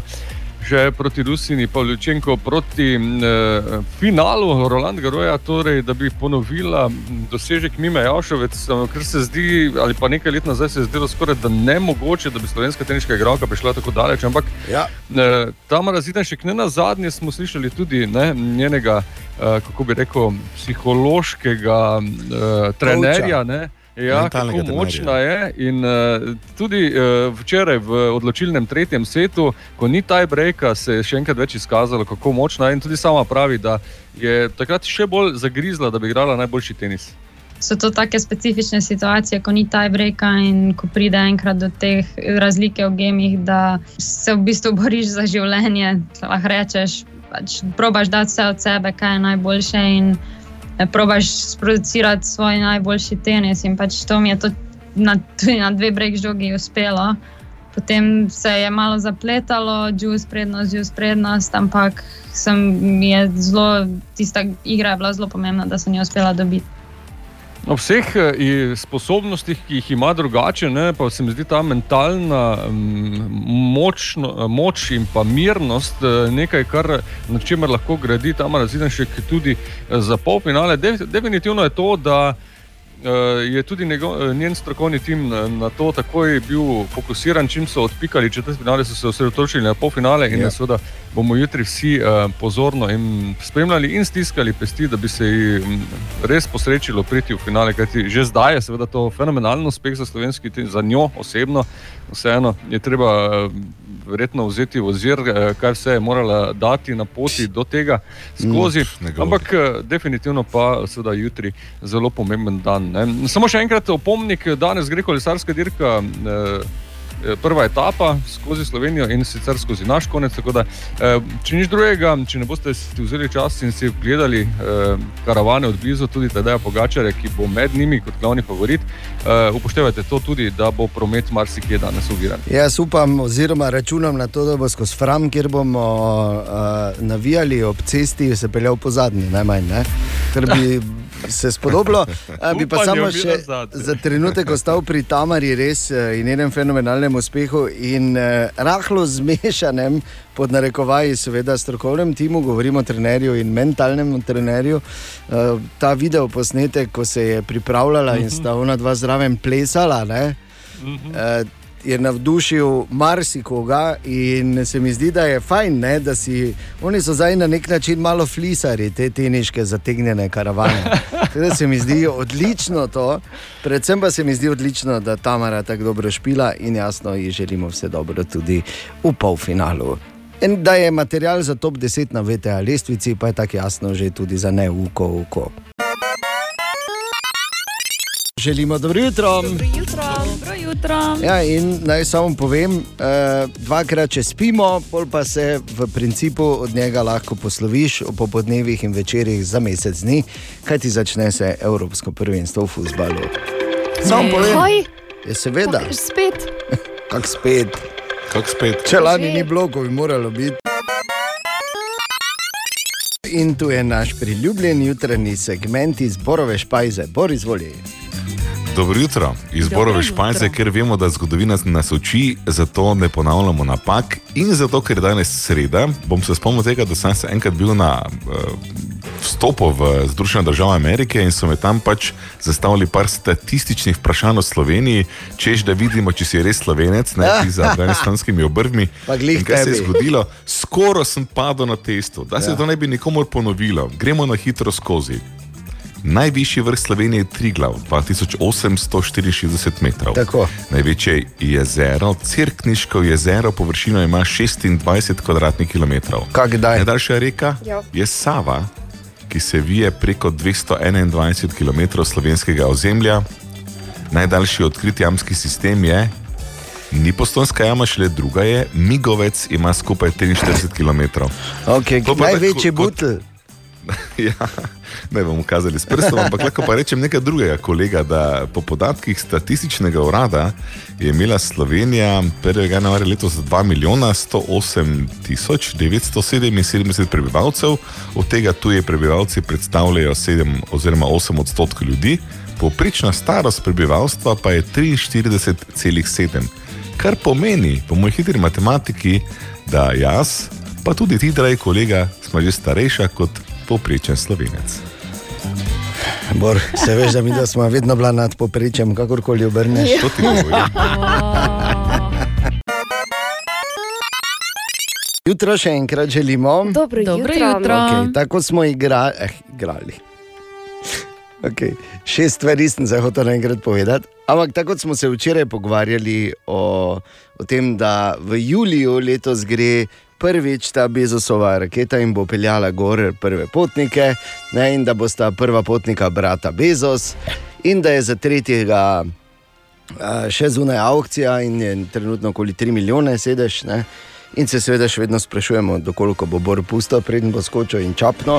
Ampak eh, pustimo to ob strani, dajmo se o eni drugi stvari pomeniti. Ali se je kdo že do zdaj, pa verjamem, da si se morda ali pa ne, ali pa se boš pravkar zavzel, kakšne oblike je ta raketa, kak ta Blue Origin zgleda. Ali si lahko kdo odpre, ne, če, mogoče imaš sliko v glavi, mogoče pa, ko boš Joj. imel priložnost, ja, točno to. Dajmo si naliti čistega, ta raketa zgleda kot moški organ. Zelo anatomsko pravilen moški organ, v bistvu. Take smo odnegdaj risali v, v šoli, po svetskih. Uh, in uh, torej, lepo, vse, kar lahko rečem, je super, eh, da, da so ljudje tako zainteresirani. Ne? Ampak, ko sem celo zgodbo tako pomislil in sestavil ena, ena plus ena, v bistvu ugotoviš, da v bistvu to niti ni nič tako novega, kajti veliko krat do zdaj se je že v zgodovini zgodilo, da so tri osebe na tej obliki šle v vesolje. Pa dobro. Web, web, web, web check. Okay, kaj pa takega pišejo, Katja? Vračajo se koncerti v polnih dvoranah. Yes. Ampak In ne še pri nas. Ne? Pri nas ne, ne. Eden takšnih eh, se bo zgodil 20. junija in sicer v New Yorku, eh, Foo Fightersi. No, evo, pa še pravi bend za tako. Ja. Jaz bi takoj šel, samo pač več težav je tu vmes, drobnih sicer, ampak eh, Ne moreš hočeš? nas zapustiti. Ne? ja, to, to je je pred, glavnih. predvsem to. Ja. Ja, se sem vedela. Vse, tako je, ko si navezan na hudiča. Torej, Um, izbrana je bila najbolj seksi ženska leta 2021. da je nekaj. Gre za Tiano Taylor, ki pa se je s tem v bistvu zapisala v zgodovino kot prva temnopolta ženska, ki je bila izbrana za najbolj seksi ženska. Noro. Čas je Tak, bil. tak, bravo, ja. Ja. Točno tako. V modo se vračajo raztrgane kavbojke in pa plisirana krila. Dobro. Prav ne vem, kdaj je šlo to iz Sploh mode. plesirala. Jaz tudi ne. Bi samo vprašal, ali je pomembno, kje so raztrgane kavbojke ali kjerkoli. Kjerkoli. Resno? No, Katja. Ja, ja A, pa dobro, no, jaz je nisem razmišljala o tem, o čem ste zdaj vi. Ja, Jaz sem z- Kaj veš, o čem so mi razmišljali? Jaz sem samo rekel, kje, ne? kjerkoli. Samo- ja, Okay. kjerkoli, Tako ja. da čez celo rit lepo, štrajfen, diagonalno. lahko, če želiš. Okay. Redo. Bor si slišal? Jaz, lahko mama. Ja. Lahko mama. To. Okay. Ja, seveda, kdo pa? Super, me veseli, da Sta sta, seksi del ekipe. da sta vesela. In pa Joe Biden je američanom vrnil TikTok. Super. In to je verjetno tudi to, po čemer bo se vpisal v zgodovino uh, kot predsednik. Ne? Ta, ki je vrnil TikTok. 26 minut. Web check. Želimo dobro jutro. Dobro, Dobro jutro. jutro. A, in včasih so, ko se je zgodil, napovedovali, da bodo kašče prazne, ne le letos, ampak naslednjih deset let, da bodo vojne, da bo napadel, napadla mrčes, da bo ne vem kaj vse. V bistvu No, pa gre, bil, ne? v bistvu pa gre samo za, ja, pardon, da bo napadel mrčes. Kobilico sem imel tako ful veliko pred glavami, pred glavami. Pred glavami. Ja, našimi glavami, ja, kak nas napada, ja, kaj pa misliš? Je to tako preprosto? To so hude stvari. V Bibliji so pisali o tem, prvi pisatelji. Ampak, ne, čisto za res, v bistvu gre samo za pač en astronomski pojav, ki se mu reče Sončo mrk in ki bo danes. E, zato je tukaj David, dobro jutro, David. Dobro jutro. Ja, povej, danes bomo torej lahko opazovali Sončo mrk, če bo le med 11 in 56 minut do 13 in 14 minut jasno vreme. Je tako? E, ja, takrat bo po našem času torej Luna prišla med Zemljo in Sonce in ga tudi zakrila, oziroma bolj točno zakrila ga bo za 7,5 odstotka sončevega premjera. To pa enostavno pomeni, da bomo videli le delni sončev mrk, ki se bo v Mariboru torej začel malo pred 12. Luna bo počasi začela prekrivati zgornji desni rob Sonca, najlepše se bo videl pri nas ob 12 in 35 minut, končal pa se bo ob 13 in 15 minut. Profesor Igor Žiberna. To bo pravzaprav prvi tak uh, delni sončev mrk po šestih letih pauze. Na zadnje smo namreč eh, pri nas torej v Mariboru lahko opazovali uh, delni sončev mrk 20. marca leta 2015. Res pa je, da bo do naslednja leta malo bolj radodarna z to vrstnimi pojavi, seveda v primeru. Torej, da bo jasno vreme, ne, torej bomo lahko take delne sončeve mrke pri nas opazovali 25. oktober naslednje leto. Torej, 25. oktober leta 2022, si že pišem datum v koledar, tako da bomo še spomnili vse poslušalce čez dobro leto. Okay, kaj pa drugod po Sloveniji se bo videlo enako kot pri nas v Mariboru danes to? Niti ne, profesor Živer napravi, da ne. Sicer odstopanja niso ekstremno velika, so pa razlike, čeprav živimo v majhni državi. Res pa je, da to je zanimivo, ne, da pravzaprav je Slovenija vseeno v poldnevniški smeri dovolj velika, torej da bodo že tukaj nastopile recimo neke razlike. Ne, torej recimo v severnem delu Gorenske bo magnituda okoli 9 odstotkov, na jugu Bele krajine pa samo okoli 5 odstotkov. No, mi smo pač tu nekje v vmes, ne, oziroma bliže severnemu delu, tako da bomo vseeno lahko rekel, ta pojav v ne tako intenzivni meri, ampak vendarle eh, opazovali. In za konec je ideja, člani astronomskega društva Orion bodo na platoju pred filozofsko fakulteto Mrk tudi opazovali, lahko se jim pridružiš, opazovanje je brezplačno. Torej, danes okoli 12. pred filozofsko tam. Vabljena, vabljen in nekje do 1 in 15 minut. Tu bo sončo mrk, Jaz pa bom eh, glavno, kar bom vzel iz eh, vseh teh informacij našega izjemnega strokovnjaka in prijatelja, dr. Eh, Žibrne, je to, da je Slovenija v poldnevniški smeri dovolj velika. Vem, če ste videli vi to. Bomo nam govorili, da smo mali. V poldnevniški smeri smo gromozanski. 10. juni, dan polfinala, tam raziden še, torej danes ob treh krene v akcijo. Kako so jo pripravili v njeni najožji ekipi, smo torej slišali par minut nazaj. Včeraj pa smo šli tudi v konice, da preverimo, kako pa so kaj tam ponosni na svojo someščanko. Je poznem, osebno je poznem, vsakaj čast. Vse, na, bi rekel, vse je na svojem delala, ne? država je takrat tak ni nič pomagala, ne? to je sramota. Ne? Pa lokalna skupnost, naprimer tako naša občina, je nič ni pomagala finančno, ne? pa bi se pa vsi kitli z njo. Ne? To se pri vsaki tudi športnikih dogaja, ko nekaj dosežejo zunaj, ne? pa bi se pa vsi kitli z njo. Ne? In uh, vsakaj čast. Da je pregural, pa čuj, pa to, to je bomba. Je. To bi bili ponosni, bili uničeni, najo. Ona je za me super, ne? veš, kako so male konice, ne? ampak jaz njo spoštujem, jaz se poznam kot tako ali deklica, da je to uspelo, čuj. Adijo. Ja, adijo. Nobena slovenka še ni to uspela. Ko smo mi konice, ne? veš, kaj smo mi mali, ki imaš te radio city, to je Maribor. Če noben ne ve, kje so konice, sploh ne. Uspeh, ne normalen, ponosni smo, le, res poznamo že od malih nog, tako da je res super. super ja. Misliš, da ima kakšne šanse? Pa malo, jaz mislim, da ima za finale, tudi v finalu, le zmaga, le vse je možno. Jaz si, jaz si želim, le in V redu je, v redu je, pa še kojenčaka, ja. To je glavno, ne? da, ja, no, vse, za ta pa super, je, super, je. Še več. Je ventiš, ne? Ker je ful, tako je agresivna, pa mislim, da je, da je jo kar uspelo. Tako granit, ne? Dobro, ja. Okay. Čisto sem celo odgledal. In uh, hočem ti povedati, vsa časti, ona je zakonice več naredila, kot vsi politiki, pa vsi, ko stopiš, lej, tule imamo hotel, je zaprt, vse propada, ne. tule do Talabaj ta propada. Ona je za konice več naredila, da ko doben koničen, nikoli.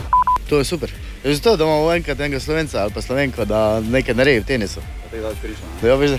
To je v redu. Ja, se pravi, da je ena slovenka, da pride naprej. Ne? Pa, da bi še prišla naprej. Poznate mogoče? Ja, ja, poznam.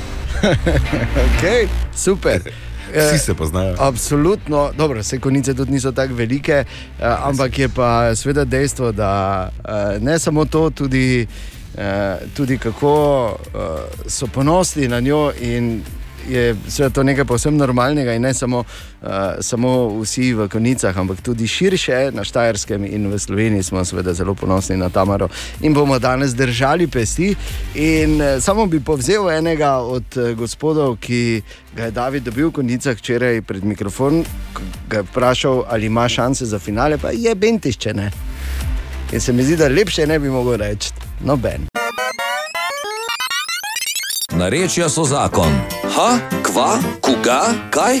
Ma ne razumem. Ja, in če so kaj prinesla ta narečja, ob tem, da se seveda vedno znova in vsak dan poklonimo tej jezikovni ali pa lahko rečemo kar naši kulturni znamenitosti, kar narečja nedvomno so, pa je, tudi, eh, pa je tudi to, da smo začeli vsi veliko bolj natančno uporabljati eh, torej rodilnik in dvojino. Hvala lepa, Marko Fras. Dobro jutro. Marko. Kaj smo na zadnje iskali? Dobro jutro. Zdravo. Na zadnje smo iskali narečne izraze za besedo košara. Zdravo, sem Brigita, prihajamo iz večine, pri nas pa rečemo košari, da vzemi stiker, pa beži klet po krompir. Zdravo, sem Ivana, prihajam iz Maribora, ampak moja žlahta iz Koroške reče košari cvike. Sem Nina, prihajam iz Trbovl. Pri nas v Trbovljah košari pravimo cekar. Zdravo, sem Renata, prihajam iz Križevec pri Ljutomeru. Mi pa košari pravimo kurpec ali pa krbulo. V povedih je to tako. Prinesla sem pun kurpec glboj ali pa prinesla sem puno krbulo drv. Sem Simon, prihajam z Polenec, prelekija, mi to tam izrazi pravimo krpača iz Pintovca ali pa slajača iz Slame.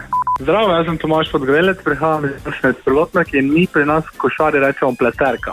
In še nekaj izrazov z Facebooka: cenka, ceja, cajna, cejna, cena, caja, cejok, korpa, korpla, korp, kripa, kurbula, korbev, krblača, cejker, hopr, koš, camboh, škundra, bokula in slajača. V tem tednu pa iščemo narečne izraze za sukanec. Kaj pravite vitrije, kveca, lavlaž in kvardelaž? Kvardelaž pravi cvirn. Ja, cvirn je, ja, pri nas tudi. Ja. Cvi, ne, ne, v bistvu cviren. Okay, okay. Daj mi cviren. Okay. Meni je babica zelo dosta rekla fethen, ampak to je zdaj čisto druga zgodba, verjetno. Ja, fethen. Niti ne vem, če je nemščini to. Ker, eh, ker si bil poreden, ker si bil Ja. poreden za to. Uh, ampak drugače, Marko, kaj si nam rekel? Kveca je raca, lavlaž je gobezdač, kvardelaž pa je škodljivec. Eh, slabo sem se zbral. Lavlaž. Slabo si se zbral. Bolj tisto prvo. okay, torej, nareče se zakon vsak dan, po drugi uri Hvala, sem došel. Hvala ti, Marko, res, hvala. Ha, koga? Ma ne razumem. Narečja so zakon. O, Tine! Dobro jutro, Tine. Ja, dobro jutro. Torej, Dobro jutro. Dobro jutro. Mnogi ne vejo, ampak med vsemi nami tukaj, Tine definitivno najboljše igra tenis.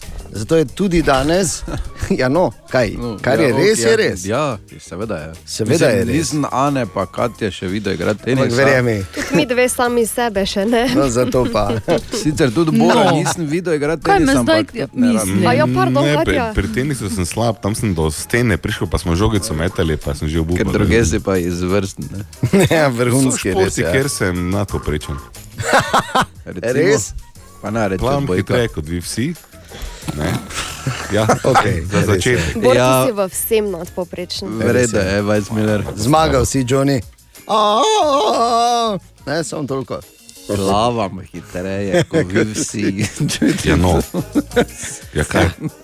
Zato te, ti moraš vedeti, to je njegov nadime, ko so ga včasih klicali Bor Ajkula, Grajner. Ok, dobro, torej ti ne. No, čestitam, Bor. Danes Ja, je hvala. polfinale in si verjetno vznemirjen, tako kot si mi. Ne? Jo, lepo smo bila zadnjič z Medvarjem, smo tu spremljali, lepo smo. Mm. Eh, tak, eh, priznam, dolgo nisem tenisa gledal. Ja. Mes je kar nekaj časa minilo, ampak. Eh, huh. Ja, Tako mi je rekel, da sem razumel eh, trenerja, pa njenega unega. Pa Mateja, ne, Lunežnika, s, ja, s katerim smo danes že govorili, mimo grede zjutraj. Čist sem jih razumel tam na tribuni. Okay. Ti me poznaš, pa veš, kako bi jaz delal. Definitivno. Tako da je čist vredno, da je tako kot je. Jaz bi bil prvi, ki bi me na praznem stadionu vum poslali, te veš. da- Ja, ker bi se vse čulo. Da bi sodniku vse povedal. In okay. danes imam nekaj popolnoma primernega, no? glih zdaj za ta moment. Vemo, kaj je sofomanjak. Ne. Oseba, ki verjame, da je bistveno bolj pametna, kot dejansko je. Ne, da bo. La, la, la, la, la, la, La, la, la, la. Aha, aha, aha, aha, aha, aha, aha efekt. Por odgovarja na vprašanje Nives, ki pravi, kako je mogoče. Jaz sem to vprašanje mimo grede označil za pravo vprašanje za pravega človeka. Kako je mogoče, sprašuje Nives, da naši prstni odtisi ostanejo enaki celo življenje, kljub staranju kože in raznimi pritiski, ki so jim izpostavljeni? Por. Kriminalna medicina sicer se še bolj pri recimo, dokazih eh, zanaša na DNA. Ne reče eh, kriminalistična. odtise, ne. Ja, glej, ne. ne rečem, da je kriminalistična ali pa kriminalna, da ne bom zdaj izpadel, kot da sem eh, dal slabo oceni, eh, slabo oceno. eh, Zato ravno. ampak Hotel sem to povedati, da prstni odtisi eh, se nekoliko se spreminjajo, eh, zato ker seveda koža ni več tako elastična, guba se eh, drugačna je, ampak načeloma se prstne odtise, čeprav težje, da prepoznati na kateri koli točki. Eh, kriminalčevega življenja. Tako da prstni odtisi se ne spreminjajo tako, da ne bi bili eh, prepoznavni, niso pa posebno enaki, zato ker seveda naša koža je eh, malo drugačna. Ampak eh, eh, recimo tako, ne, če bi dan naredil zločin pri 25, pa jaz ta prstni odtis izpravim. In ga poženem skozi bazo, recimo 20 let kasneje, bi ga še vedno z veseljem cuknil. Ja, pa je kriminal zastaral, že ne kriminalistično dejanje. To ja, ne, ampak tako bi te posebej bi rekel, poslušaj ti kriminalec. To je dejanje zastaralo, ampak jaz te gledam. Daj, ne, Sramuj se vedno duši, da si Da vkladal. to počela, da je ta to sama. Ja, početi. ne, ne to, kar sam počne, ker to je bolano. To niti za serijo ni. Ali tudi vi pogosto totavate v temi? Aha efekt, da boste vedeli več. Dan pred začetkom Evropskega prvenstva v nogometu z našim selektorjem Matjažem Kekom. Torej, uh, gospod selektor, kateri obračuni pa bodo najbolj zanimivi uh, po torej, vašem mnenju? Mogoče za nas eh, najzanimivejši par eh, Anglija, Hrvaška, ampak se pravi, ob Francozih, Nizozemci, pa Belgijci, Italijani se prebojajo. Kdo bi ob tem smel pozabiti na Nemce, ki imajo nekaj težave, ki bodo po mnogih, mnogih letih po koncu tega prvenstva menjali selektorja. Tako da, kaj zmorejo tu skandinavci, kje so Portugalci, ali lahko Hrvaška ponovi uspeh eh, zadnjega svetovnega prvenstva. Ja, zanimiva vprašanja, bo pa to lahko rečemo definitivno posebno prvenstvo, verjetno najbolj posebno evropsko prvenstvo doslej. Sej, um, pravim, specifika tudi uh, različna mesta odigravanja teh tekem. Vidite, Hrvati so že imeli svoje težave, morali so povedati svoj kamp na, v Veliki Britaniji, zdaj potujejo na tekme in nazaj v Rovin. Tako da tukaj so še stvari, o katerih bomo se nažalost verjetno morali pogovarjati, pa se ne dotikajo čisto samega nogometa. Upam seveda, da bo čim manj poškodb, konec sezone je, na koncu na drugi strani se je nekaterim že začela sezona, tudi v Mariboru. Tako da eno nogometno leto, ki je bilo seveda pomembno za nogomet, ker nogomet je obstal, nogomet se je dogajal vse čas, ki pa upam, da se čim prej konča in da se začne neka nova zgodba. E, In če se pred tem evropskim prvenstvom naš selektor najbolj veseli? Predvsem gre za to, o, da se vračajo gledalci, uspeh UEFA, in uh, predsednika Čeferina, glede na to, da se je v zadnjih nekaj tekmah in v klubskih prvenstvih in uh, prijateljskih tekmah, pripravljalnih tekmah se že pojavili, pojavili nek določen število gledalcev, se vrača tudi tista prava nogometna atmosfera. Tako torej pred Evropskim prvenstvom naš selektor Matjaške Kjutri se torej začne. Dobro jutro tudi našemu El Primotu, Mateju Šobi. Matej, dobro jutro. Dobro jutro, zdravo. Okay, Matej, jaz imam eno vprašanje. Mhm, In povej. sicer zdaj. Vemo, pred dnevi je Evropski parlament ja. izglasoval s 1. julijem, se začne ta evropski cepilni pasuš, se verjetno se drugače reče. Zdaj pa so Ja. spet neke debate za Hrvaško, pa spet neki SMS-i. Kaj je zdaj? Kaj Ja, je zdaj? Največja težava je pravzaprav v tem, da v Sloveniji, kar bi bilo najbolj enostavno, ne, če bi imeli tako razvito vse skupaj, da bi, ko si na cepilnem mestu, potem dobiš ne samo tisto nalepko oziroma potrdilo, da si cepljen, ampak da dobiš istočasno tudi že QR kodo. Ki jo potem lahko vsak poskenira in tam je zavedeno. Recimo, mnoge države že imajo to uvedene, tako da takoj po cepljenju, po drugi dozi, recimo, ali pa po eni dozi, kolikor eh, je potrebno za Johnson, eh, dobiš QR kodo in tam je zavedeno, in eh, vsak, ki bi tisto poskeniral, bi vedel, da cepljen si lahko greš. Eh, Pri nas še nismo tako daleč, ne, žal, 2021 vseeno. Ne. Ja. Zato je treba pridobiti zeleno digitalno potrdilo za enkrat na portalu z VEM, ampak to moraš narediti tako, da imaš predtem digitalno kvalificirano potrdilo ali pa mobilno identiteto SMS pas. Torej, dve možnosti, kako eh, digitalno poistovetiš svojo identiteto, kako bi rekel, potrdiš svojo identiteto. Torej, da si Da je tvoja digitalna identiteta identična eh, recimo, tebi. Ne? Torej, moraš se osebno nekje uh, prijaviti. In zdaj so vse toliko olajšali, da tudi v Mariboru na cepilnem mestu, v UŠC-ju, bo možno dobiti mobilno identiteto SMS pas in na ta način uh, nekoliko lažje priti do tega digitalnega potrdila, ki je v Sloveniji še recimo, ne dokončni obliki.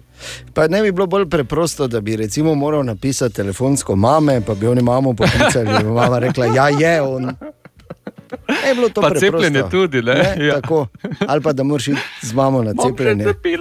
ja, to, s- t- tak, točno tako, da bi rekla. Evo. Mislim, da sta vidva zborom nekaj skupaj, veš, pri eh, seznamu najslabših oponaševalcev. Vreda je, vreda. Hvala, Matej, hvala. Želimo dobro jutro. Dobro jutro. Ja, dobro jutro. Zdaj, ko smo se pogovarjali o Maurici in takih lepih pravličnih momentih, ne, samorogih, ki so modre barve z mauričnimi krili in letijo po nebu Mhm. in podobno, in o tem, kak je. Jaz samo moraš vedeti, ne, če vidiš Maurico, pa če vidiš recimo, uh, oziroma slišiš Bora na radiju, pol tisti trenutek ni tam zaklada, ker zaklad dela. Ja. Želimo še enkrat dobro jutro. Dobro jutro. Dobro jutro. A, čisto resno opozorilo na pomorski avtocesti pri Lendavi je na avtocesti divja svinja. Tako da pazite. Je tako, nas rekel, kaj je narobe?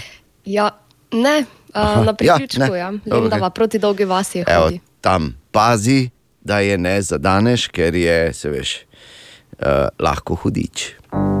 Zdaj pa k eni drugi stvari. Katja, Ja, dejan. Gregoric, Čakova, Prlekija. Ja. Dobili smo ja. informacijo, da uh, včeraj smo mislili, da bomo morali posredovati za našo mobilno ekipo. So rekli, da je ena mlada, blondna, hodi s fleksom okoli hiše na Čakovi. In ima v šahu ne le družino, ampak tudi vse mimo vozeče avtomobile. Eh, tajno. Ja, zgleda zelo nevarno. Na kar izvemo, da si se odločila, da boš restaurirala vrtne palčke. Tako, Torej, ta informacija drži. drži. To, da si imela s fleksom v šahu mimo vzeče avto in traktorje tudi. Ne. Okay. Nisem gledala, kdo se vozi mimo, ker Dobro. sem se ukvarjala s palčkim. Kar nas pripelje do bistvenega vprašanja, Katja. Ja, Zakaj? Ker, ja. moje mnenje, edino, kar moraš z vrtnimi palčki narediti, je, da jih stran vržeš. Pazi, Pa kaj govoriš. miru, ne, ker po noči Bog ve, kaj ne dela.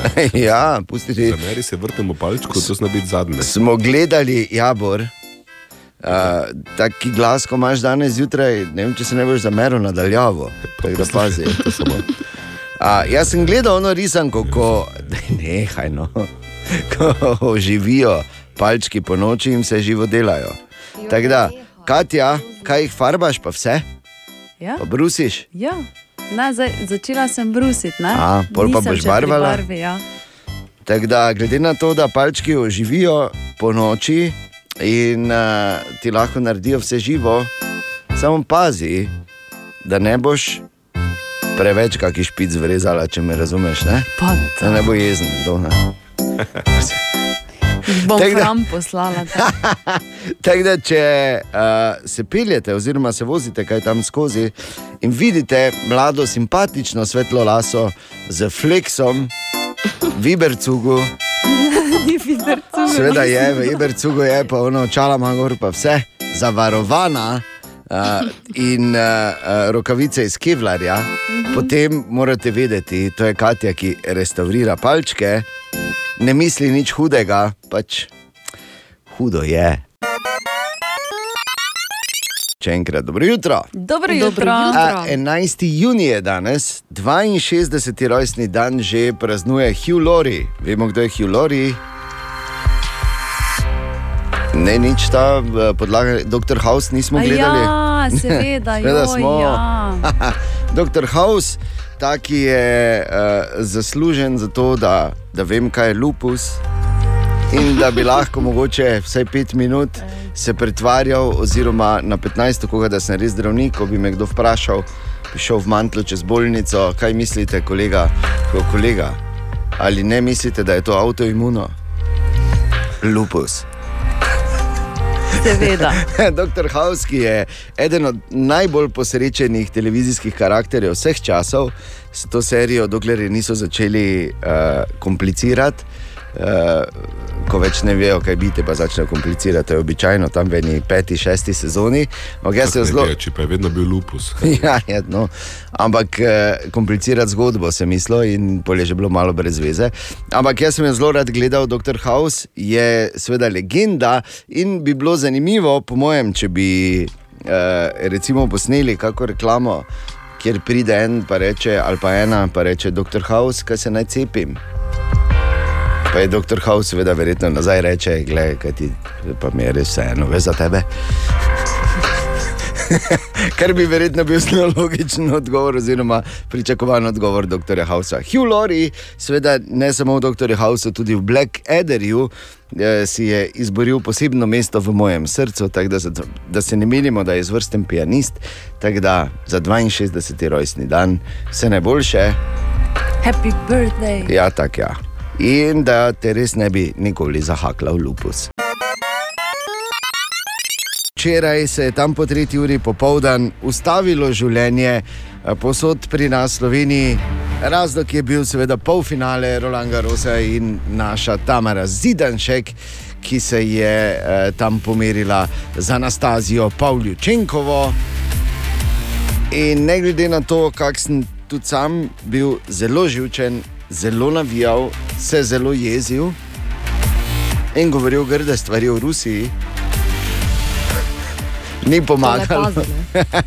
Ni pomagalo, uh, na koncu je bila uh, torej Pavličenkova zasluženo boljša 7 proti 5 in 6 proti 3, tako sta se končala oba niza in po Tamare letos v Parizu v polfinalu, kar pa je še vedno res fenomenalen, megalomanski uspeh. V letu 2021. Eden največjih športnih dosežkov eh, naših športnikov v tem letu doslej, zagotovo. Ja, mislim, je bilo izenačeno. Prvi set je bil 7-5 in sem imela svoje priložnosti pri 5-5, 15-40. Tam sem se odločila za backend paralelo, ki je ostala v panti. Um, tako da tam bi se lahko marsikaj spremenilo, ampak mogoče danes nisem tako dobro izkoriščala svojih priložnosti, kak sem jih v prejšnjih tekmah, ampak vseeno. Um, mislim, da sem se kar dobro postavila na igrišče, glede na vse, kar se dogaja. Tako je torej neposredno po polfinalu povedala Tamara Zidanček, jasno, da vse to absolutno drži kot tudi to, da smo seveda nenormalno ponosni na njo. Danes sicer uh, jo bodo seveda hitro zgrabili, ko pride v Slovenijo in seveda peljali vilo podrožnik in se je tam haha in to in super in predsednik se bo slikal z njo. Kar je seveda upravičeno, ampak eh, verjetno pa tudi sama komaj čaka, da čim prej pride domov slovenske konice, kjer ji bodo nedvomno pripravili nepozaben sprejem. Kak pa je danes zjutraj v Parizu? Tik preden gre ekipa na letalo, pa naš posebni poročevalec, direktno iz Tamarine ekipe, eh, njen mentalni trener Matej Lunežnik. Matej, dobro jutro, situacija. Dragi poslušalci, kaj ne rečem drugega kot to, da smo lahko na Tamaro zelo, zelo ponosni. Borila se je tudi včeraj, eh, še posebej zato, ker je imela poškodbo trebušne mišice in ni mogla servirati eh, dobro, še posebej drugega servisa, tako imenovanega kick servisa. Tiste, ki se malo spoznate, veste, kaj to na pesku pomeni. Eh, To je približno tako, če bi Hamiltonu vzeli nekaj par konjev iz motorja, po pa zmaga Hamilton. Tako da mislim, da, da smo lahko res zelo, zelo veseli. Tamara je pokazala lahko z eno vero, z eno odločnostjo, premikaš gore. Naredila je fenomenalen rezultat, razveseljevala nas je. Najbolj pomembno pa je to, da nas bo razveseljevala zagotovo še naprej. Tako da hvala lepa, da ste navijali za nas, da ste držali pesti in se vidimo pri naslednjih fenomenalnih rezultatih, oziroma bolje rečeno, slišimo. Hvala in lepo zdrav v Slovenijo. Ja, lepa hvala, Matej, in seveda čestitke tudi celemu strokovnemu štabu za izjemno upravljeno nalogo. In tudi hvala. In veš, kak je vsak uspeh pri, prinaša določene dožnosti, tako da zdaj si pač postal Matej, naš posebni poročevalec tudi za naslednje uspehe in podvige tam, rezidanček. Ne? Na katero še enkrat smo izjemno ponosni in še enkrat čestitamo in seveda želimo vse dobro naprej in verjamemo, da bomo kmalo poročali o novih fenomenalnih rezultatih. Tako da, bravo, Tamara.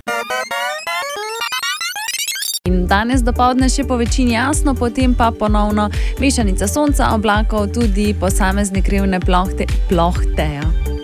Plohte. Plohte, plohte si, si vrgla prek čez. Plohte bodo letele Pač počasi. karkoli, ja. ne? Plohte se meče. No, plohe in nevihte, torej danes do 25 stopinj, podobno vreme na našem koncu, tudi jutri bo pa jasno v nedeljo. Ko se je reklo, vrži ploht preko, ne? Ja. Ali pa pokrit sem bil samo s plohtami, ne? pa so vseeno mimo hodile. Torej, to je iz enega literarnega dela, pa ne bi zdaj šli v detajle. Želimo dobro jutro. Dobro jutro. Ja, Bor zdaj pa reči, če ni nekaj najbolj, uh, najbolj groznega, da, ti, da nimaš plohte, takrat, ko jo rabiš. To je pa res ne. Kaj je tako groznega? Plohte in je, to je, To je katastrofa, ja, grozljivka. Prideš in nujno rabiš neki ploht, pa ga ni, oziroma plohto. Dokaj jaz ne bom začela ja, ok. ploh resen metode. o, je bila. Razkura si jo, razkura si jo, zdaj je pa prav ja, povedala. Ja. Danes je petek, ura je malo po sedmi, skoraj ne mogoče vprašanje. Ali Opa. kaj ste mislili? Ja, da ne bo petek. slučajno? Tako. In tudi danes skoraj ne mogoče vprašanje, ki je povezano z enim dejstvom iz Evropske unije, tako da not zapademo tudi mi, Slovenci. In naj vam povem že na začetku, dobro poslušajte. In sicer to, eh, ta odgovor nima nobene zveze z osebno higieno, niti ne z uh, izgledom. Okay? Okay. Da vas, to, to sta dva namiga, ki vam dam, ker Drugače, drugače. ko to rečeš, samo še o osebni higieni in izgledu razmišljam. Ne? Ja. No, ampak nima veze s tem, zato da ne bomo do tretjega dnevnika tu. Ne? Torej In pri- sicer pravi takole, to je skoraj nemogoče vprašanje. Uh, 20 odstotkov, skoraj da 20 odstotkov vseh v Evropski uniji, torej eden ali ena od petih, je že kdaj v svojem življenju dala na šuh oziroma dumpnila svojega aktualnega partnerja ali partnerko, ker je katastrofalno slabo delal ali delala to. Kaj Vozil je avto. To? Ana. Pa kaj si ti, no? Sem čakal, kaj je s tabo narobe. Tezensko meso strikes again. To je neverjetno. Jaz imam veliki problem, vidim. Klasični Ana Brdi ali in One. Ja. Prisežem, Ne, prosim. da se absolutno ne zmenimo, mi to prej. To je Ana. Ja. Ana, Kaj imaš za povedati svojo obrambo? lahko da samo, da odpusti me. ne, jaz sem vesel. Da je odpustijo, prosim. In žalosten, da si imela v življenju ljudi, ki so tako slabo vozili. Želimo dobro jutro. Dobro jutro. Okej, Danes je petek in eh, tu je ena tehnična zanimivost iz področja, na katerem sem pa jaz kar močen. Si bor v bistvu zdaj našilo všesa, ne? Nič veš, da. takega ne bo. Ampak pri pametnih urah, ne, tu pa moram reči, da sem praktično odkar so na tržišču zelo navdušen uporabnik. Ne? To se morate strinjati. Ker pač uro, da imaš malo, moraš imeti ljubezen do Ja, res moraš imeti to- osne- 80-ih. To moraš imeti face rad, moraš imeti tudi. Ne? Ampak jaz imam mojo pametno uro zelo, zelo rad, eh, da mi informacije, ki jih potrebujem, je moja zvesta sopotnica na mojih raziskovanjih, pohorja. Ne? In tudi drugače mi že zjutraj pove, kako je vreme. Samo in ne reče, da rabim- ima ime, prosim. Ne, nima, ampak samo, dobro. samo pač pravim. Ne? Ma, za mene je to fenomenalna pogruntavščina, čeprav jo moram pač dati polniti. ne. In zato eh, sem pač seveda spremljam novosti in ne boste verjeli, med vsemi stvarmi, ker zdaj se je Facebook vrgel tudi v izdelavo hardvera ne, in pripravlja, pripravljajo ta pametna očala. Zdaj pa so napovedali tudi, da bodo izdali pametno uro. Ja, Facebook pripravlja pametno uro, ki naj bi eh, prišla na tržišče enkrat naslednje leto, in prvi detajli so že znani, in- in mi ni logično. Ta ura naj bi imela več kamer. Eno kamero na sprednji strani, ki se naj bi uporabljala predvsem za videoklice, kar se mi zdi. Uh, Ja, pa ne uporabno, ne? da hodiš pa tako v uro, gledaš, pa se meniš, kaj pa vem. Pa ampak, padeš. ampak ok, ampak ok, ajde, ok. Ne razumem pa absolutno ne, zakaj bo imela ta Facebookova ura še eno kamero na zadnji strani, ki naj bi se pa uporabljala kot fotoaparat. Zakaj, če imam uro na roki, zakaj bi uro jaz snemal, zato da bi fotografiral ob tem, ko imam telefon dejansko vse skozi pri roki. Obstaja moment, da ga nimaš pri roki, samo obstaja tudi moment, ko ni treba fotografirati. Ne? In- Zelo dobro. Nekako naj bi še na tej Facebookovi uri bili dve kameri, ki se bosta sneli in bosta, kot so napisali, detachable. Ampak to je vse, kar se ve. Ja, recimo. Ne vem, zakaj točno, ampak to so te informacije, ki lahko da so točne, lahko da ne. Bi pa samo rekel, eh, na pametni uri, kamera na zadnji strani, me ne čudi, ker je ideja od Facebooka.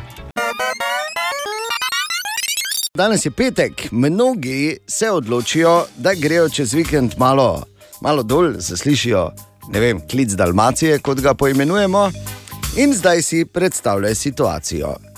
Marjan je naenkrat bil pod pritiskom, ker mu je njegova žena Irena rekla, da ima Ivan čez vikend fraj prikolico. In da bi oni zdaj lahko čez vikend dol hitro skočili. Marjan seveda nima izbire, mora ostreči svoji ženi, eh, pobasati dva mala otroka in zdaj, kaj rabi Marjan točno, ko gre, da nimo čez mejo s Hrvaško. Naja, povej. Dobro jutro. Jutro. Jutro. Za prestop meje s Hrvaško Marjan potrebuje negativen hiter test ali PCR test, ki ni starejši od 72 ur.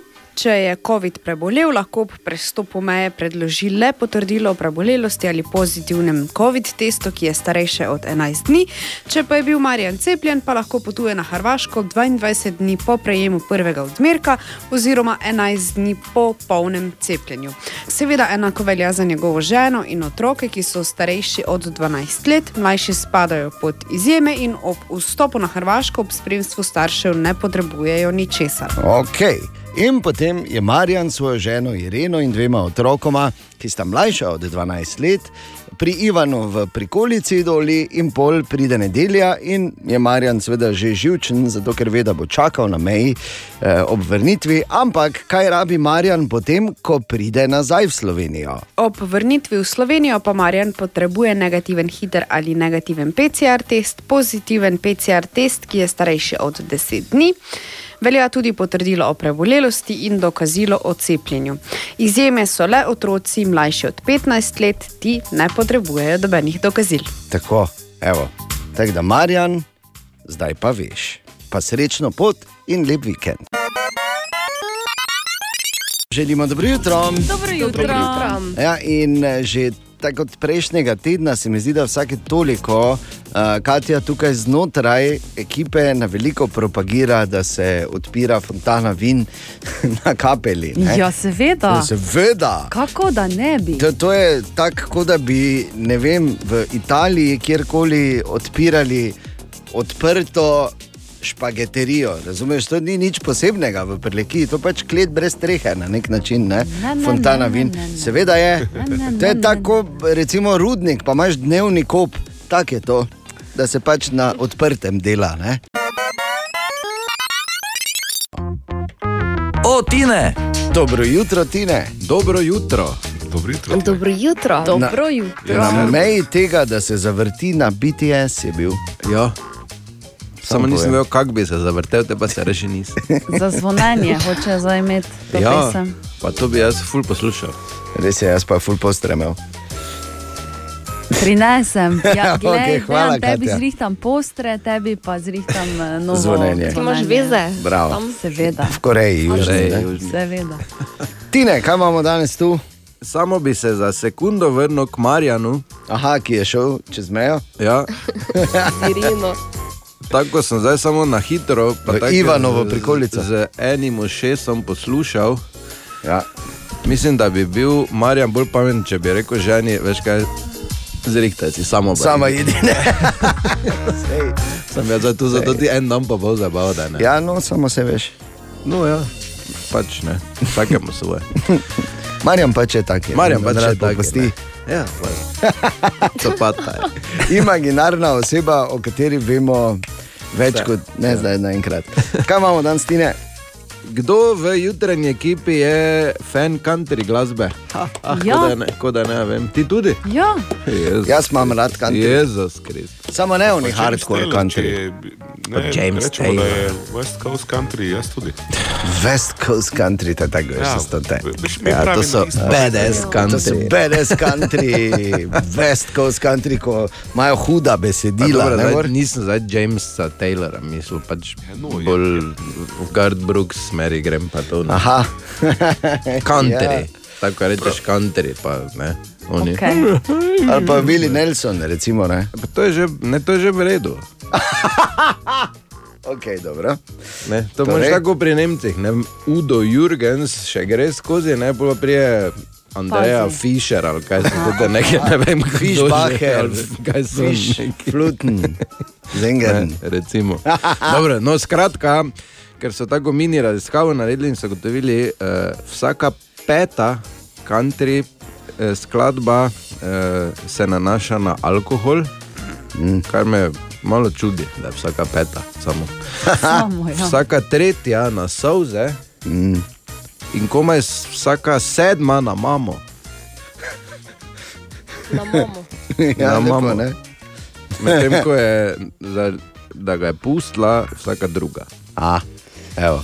Ah, ja. Pa imamo, ne, zakaj Ja, so. pa pol vsaka deseta, da ga je medved napadel, pa to tudi. No, pa to, da ga je pustila, vse veš, oni so, to so pesmi, ki so jih, oziroma glasba, ki so jo peli osamljeni kavboji. Ne? Ja, pa zato mi naj gre to v račun. Ne? Vsaka deseta, da ga je pustila, pol pa vsaka peta z alkoholom. Tak, Ja. ja. mislim, to je to Ja, ja, navadi. Ne? Če je dober kavboj bil, ga niso tako puščali, ne, se veš. Sej, vemo, da se o kravah menimo. Ne? Običajno čas, ko uh, Katja pove, katero je aktualno vprašanje za high-effect, danes je odgovor zelo, zelo v zraku, ker Bor se oklepa zadnjih nitk bomo rekli, tako se sliši, ne bor? Zdaj smo se prvo pogovarjali in rekla, da med mano in ptico trnovko je zelo majhna razlika. Ja. Mogoče ona samo malo lepše napoje, preden se na trn nabode, jaz pa po mojem bom še malo zahripa, preden bom. Pa daj ne, no. Z Bogom kruti svet, veš, kaj, ko je moški malo prehlajen. Z Bogom Ja, kruti svet, fertik, hvala za vse. Zadnjič je. V veliko čast mi je bilo, da je oprostim ti za vse. eh, E, to imaš meni za oprosti, oprostiti. Pol pa je rekel, oprostim ti. Oprostim ti, ne, tako je bilo spet. Samo 37,2 je. Veš? Ja. Kaj? Samo Nič, to ni 37,2. 30,2 pa pol že čutim. Ja, fertik je, Zdaj smo taki delati hodili, veš. Se mora tudi dela. Ja, no, samo prosti, pač da dela. Pač ne rabi nikamor iti. Medtem, uh, seveda, od zadaj je tema iz uh, ja, ja, ja, pesmi to je ta, to Ptic je ta. Trnov, ker to bomo očitno spremljali v živo, ampak vseeno, aha, efekt, vprašanje pa imamo, Katja. Ne? Tako, Karin zanima, zakaj naše telo, takoj ko spijemo vodo, ugotovi, da nismo več žejni. Medtem ko za hrano, torej lakoto, potrebuje kar nekaj časa več. Ker je voda tekoča. Trda stvar bolj wow. dolgo rabi. To je ta stara resnica. Ampak ali to drži? Z nekaj sreče v high efektu oziroma v pesmi Ptic Trnov. Aha, aha, aha, aha, aha, aha, aha efekt. In tu je vprašanje za high efekt danes zjutraj. Karin sprašuje, zakaj naše telo, takoj ko spijemo vodo, ugotovi, da nismo več ženi, medtem ko za hrano, torej lakoto, potrebuje kar nekaj časa več. Zdaj, vprašanje je fajn, odgovor ne garantiram, da ga boste razumeli. Gremo počasi. Če bi Karin bila robot, vemo, bi imela uh, eno prostornino, eno posodo tam, ko imamo mi želodec. In ko bi noter v to posodo šla voda, bi se jim zarekel bip, ko bi šla hrana, bi se jim zarekel bip. Mm. In bi mi točno vedeli, da je noter voda, hrana, ne rabimo več filati. Dobro. V praksi pri ljudeh je to absolutno dosti bolj zapleteno, zato ker so to dva povsem ločena sistema. Res je, da naše možgane na koncu vedno interpretirajo signale, ampak recimo pri hrani je relativno enostavno. Hipotalamus je ta, ki to upravlja, krvni sladkor, aha, zvišal se je, oziroma zmanjšal se je, lačni smo. Uh, poglejmo, če je hrana v želodcu in v prevodnem traktu, v redu, ne rabimo več jesti.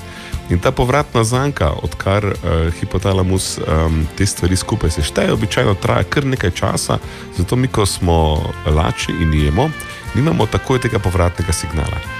Pri pitju oziroma pri vodi je pa stvar m, eh, logaritmično bolj zapletena, zato ker znanstveniki še niso niti uspeli odkriti, kateri vse deli možganov, kateri vse nevroni eh, sodelujejo pri občutku žeje in potem, ko smo tudi potešeni. Pravijo, da je dopaminska reakcija, torej ta občutek eh, sreče in hvaležnosti, ki jo čutimo, ko pijemo vodo, pri pitju neprimerno večja. Da, ko mislite, da je hranjenje in pitje podoben proces, ne, ne, ne, ne, ne. Vi brez vode ne morete živeti niti približno tako dolgo kot hrana, tudi zato je telo poskrbelo, da je ta sistem malo bolj eh, napreži. Jaz bom samo rekel tako, da očitno si šel all in za konec. Ne? Ja, Ker se ni vedelo, če bo zdržal, ste To opazili. je to Katja zdaj. in Ana? Ja, je se je vtrgal, det, vso energijo je dal, zdaj pa, zdaj pa da vidimo, Zdaj pa kam bo pokoplite, tukaj, pitje najlepše. Ker, ker bo se zabodla, oziroma zapiknila moja puščica, ne?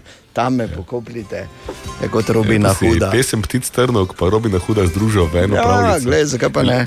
Všeč me snimak v taki. Ali tudi vi pogosto tavate v temi? Aha, efekt, da boste vedeli več. Dobra, mali in stari, podcast jutranje ekipe.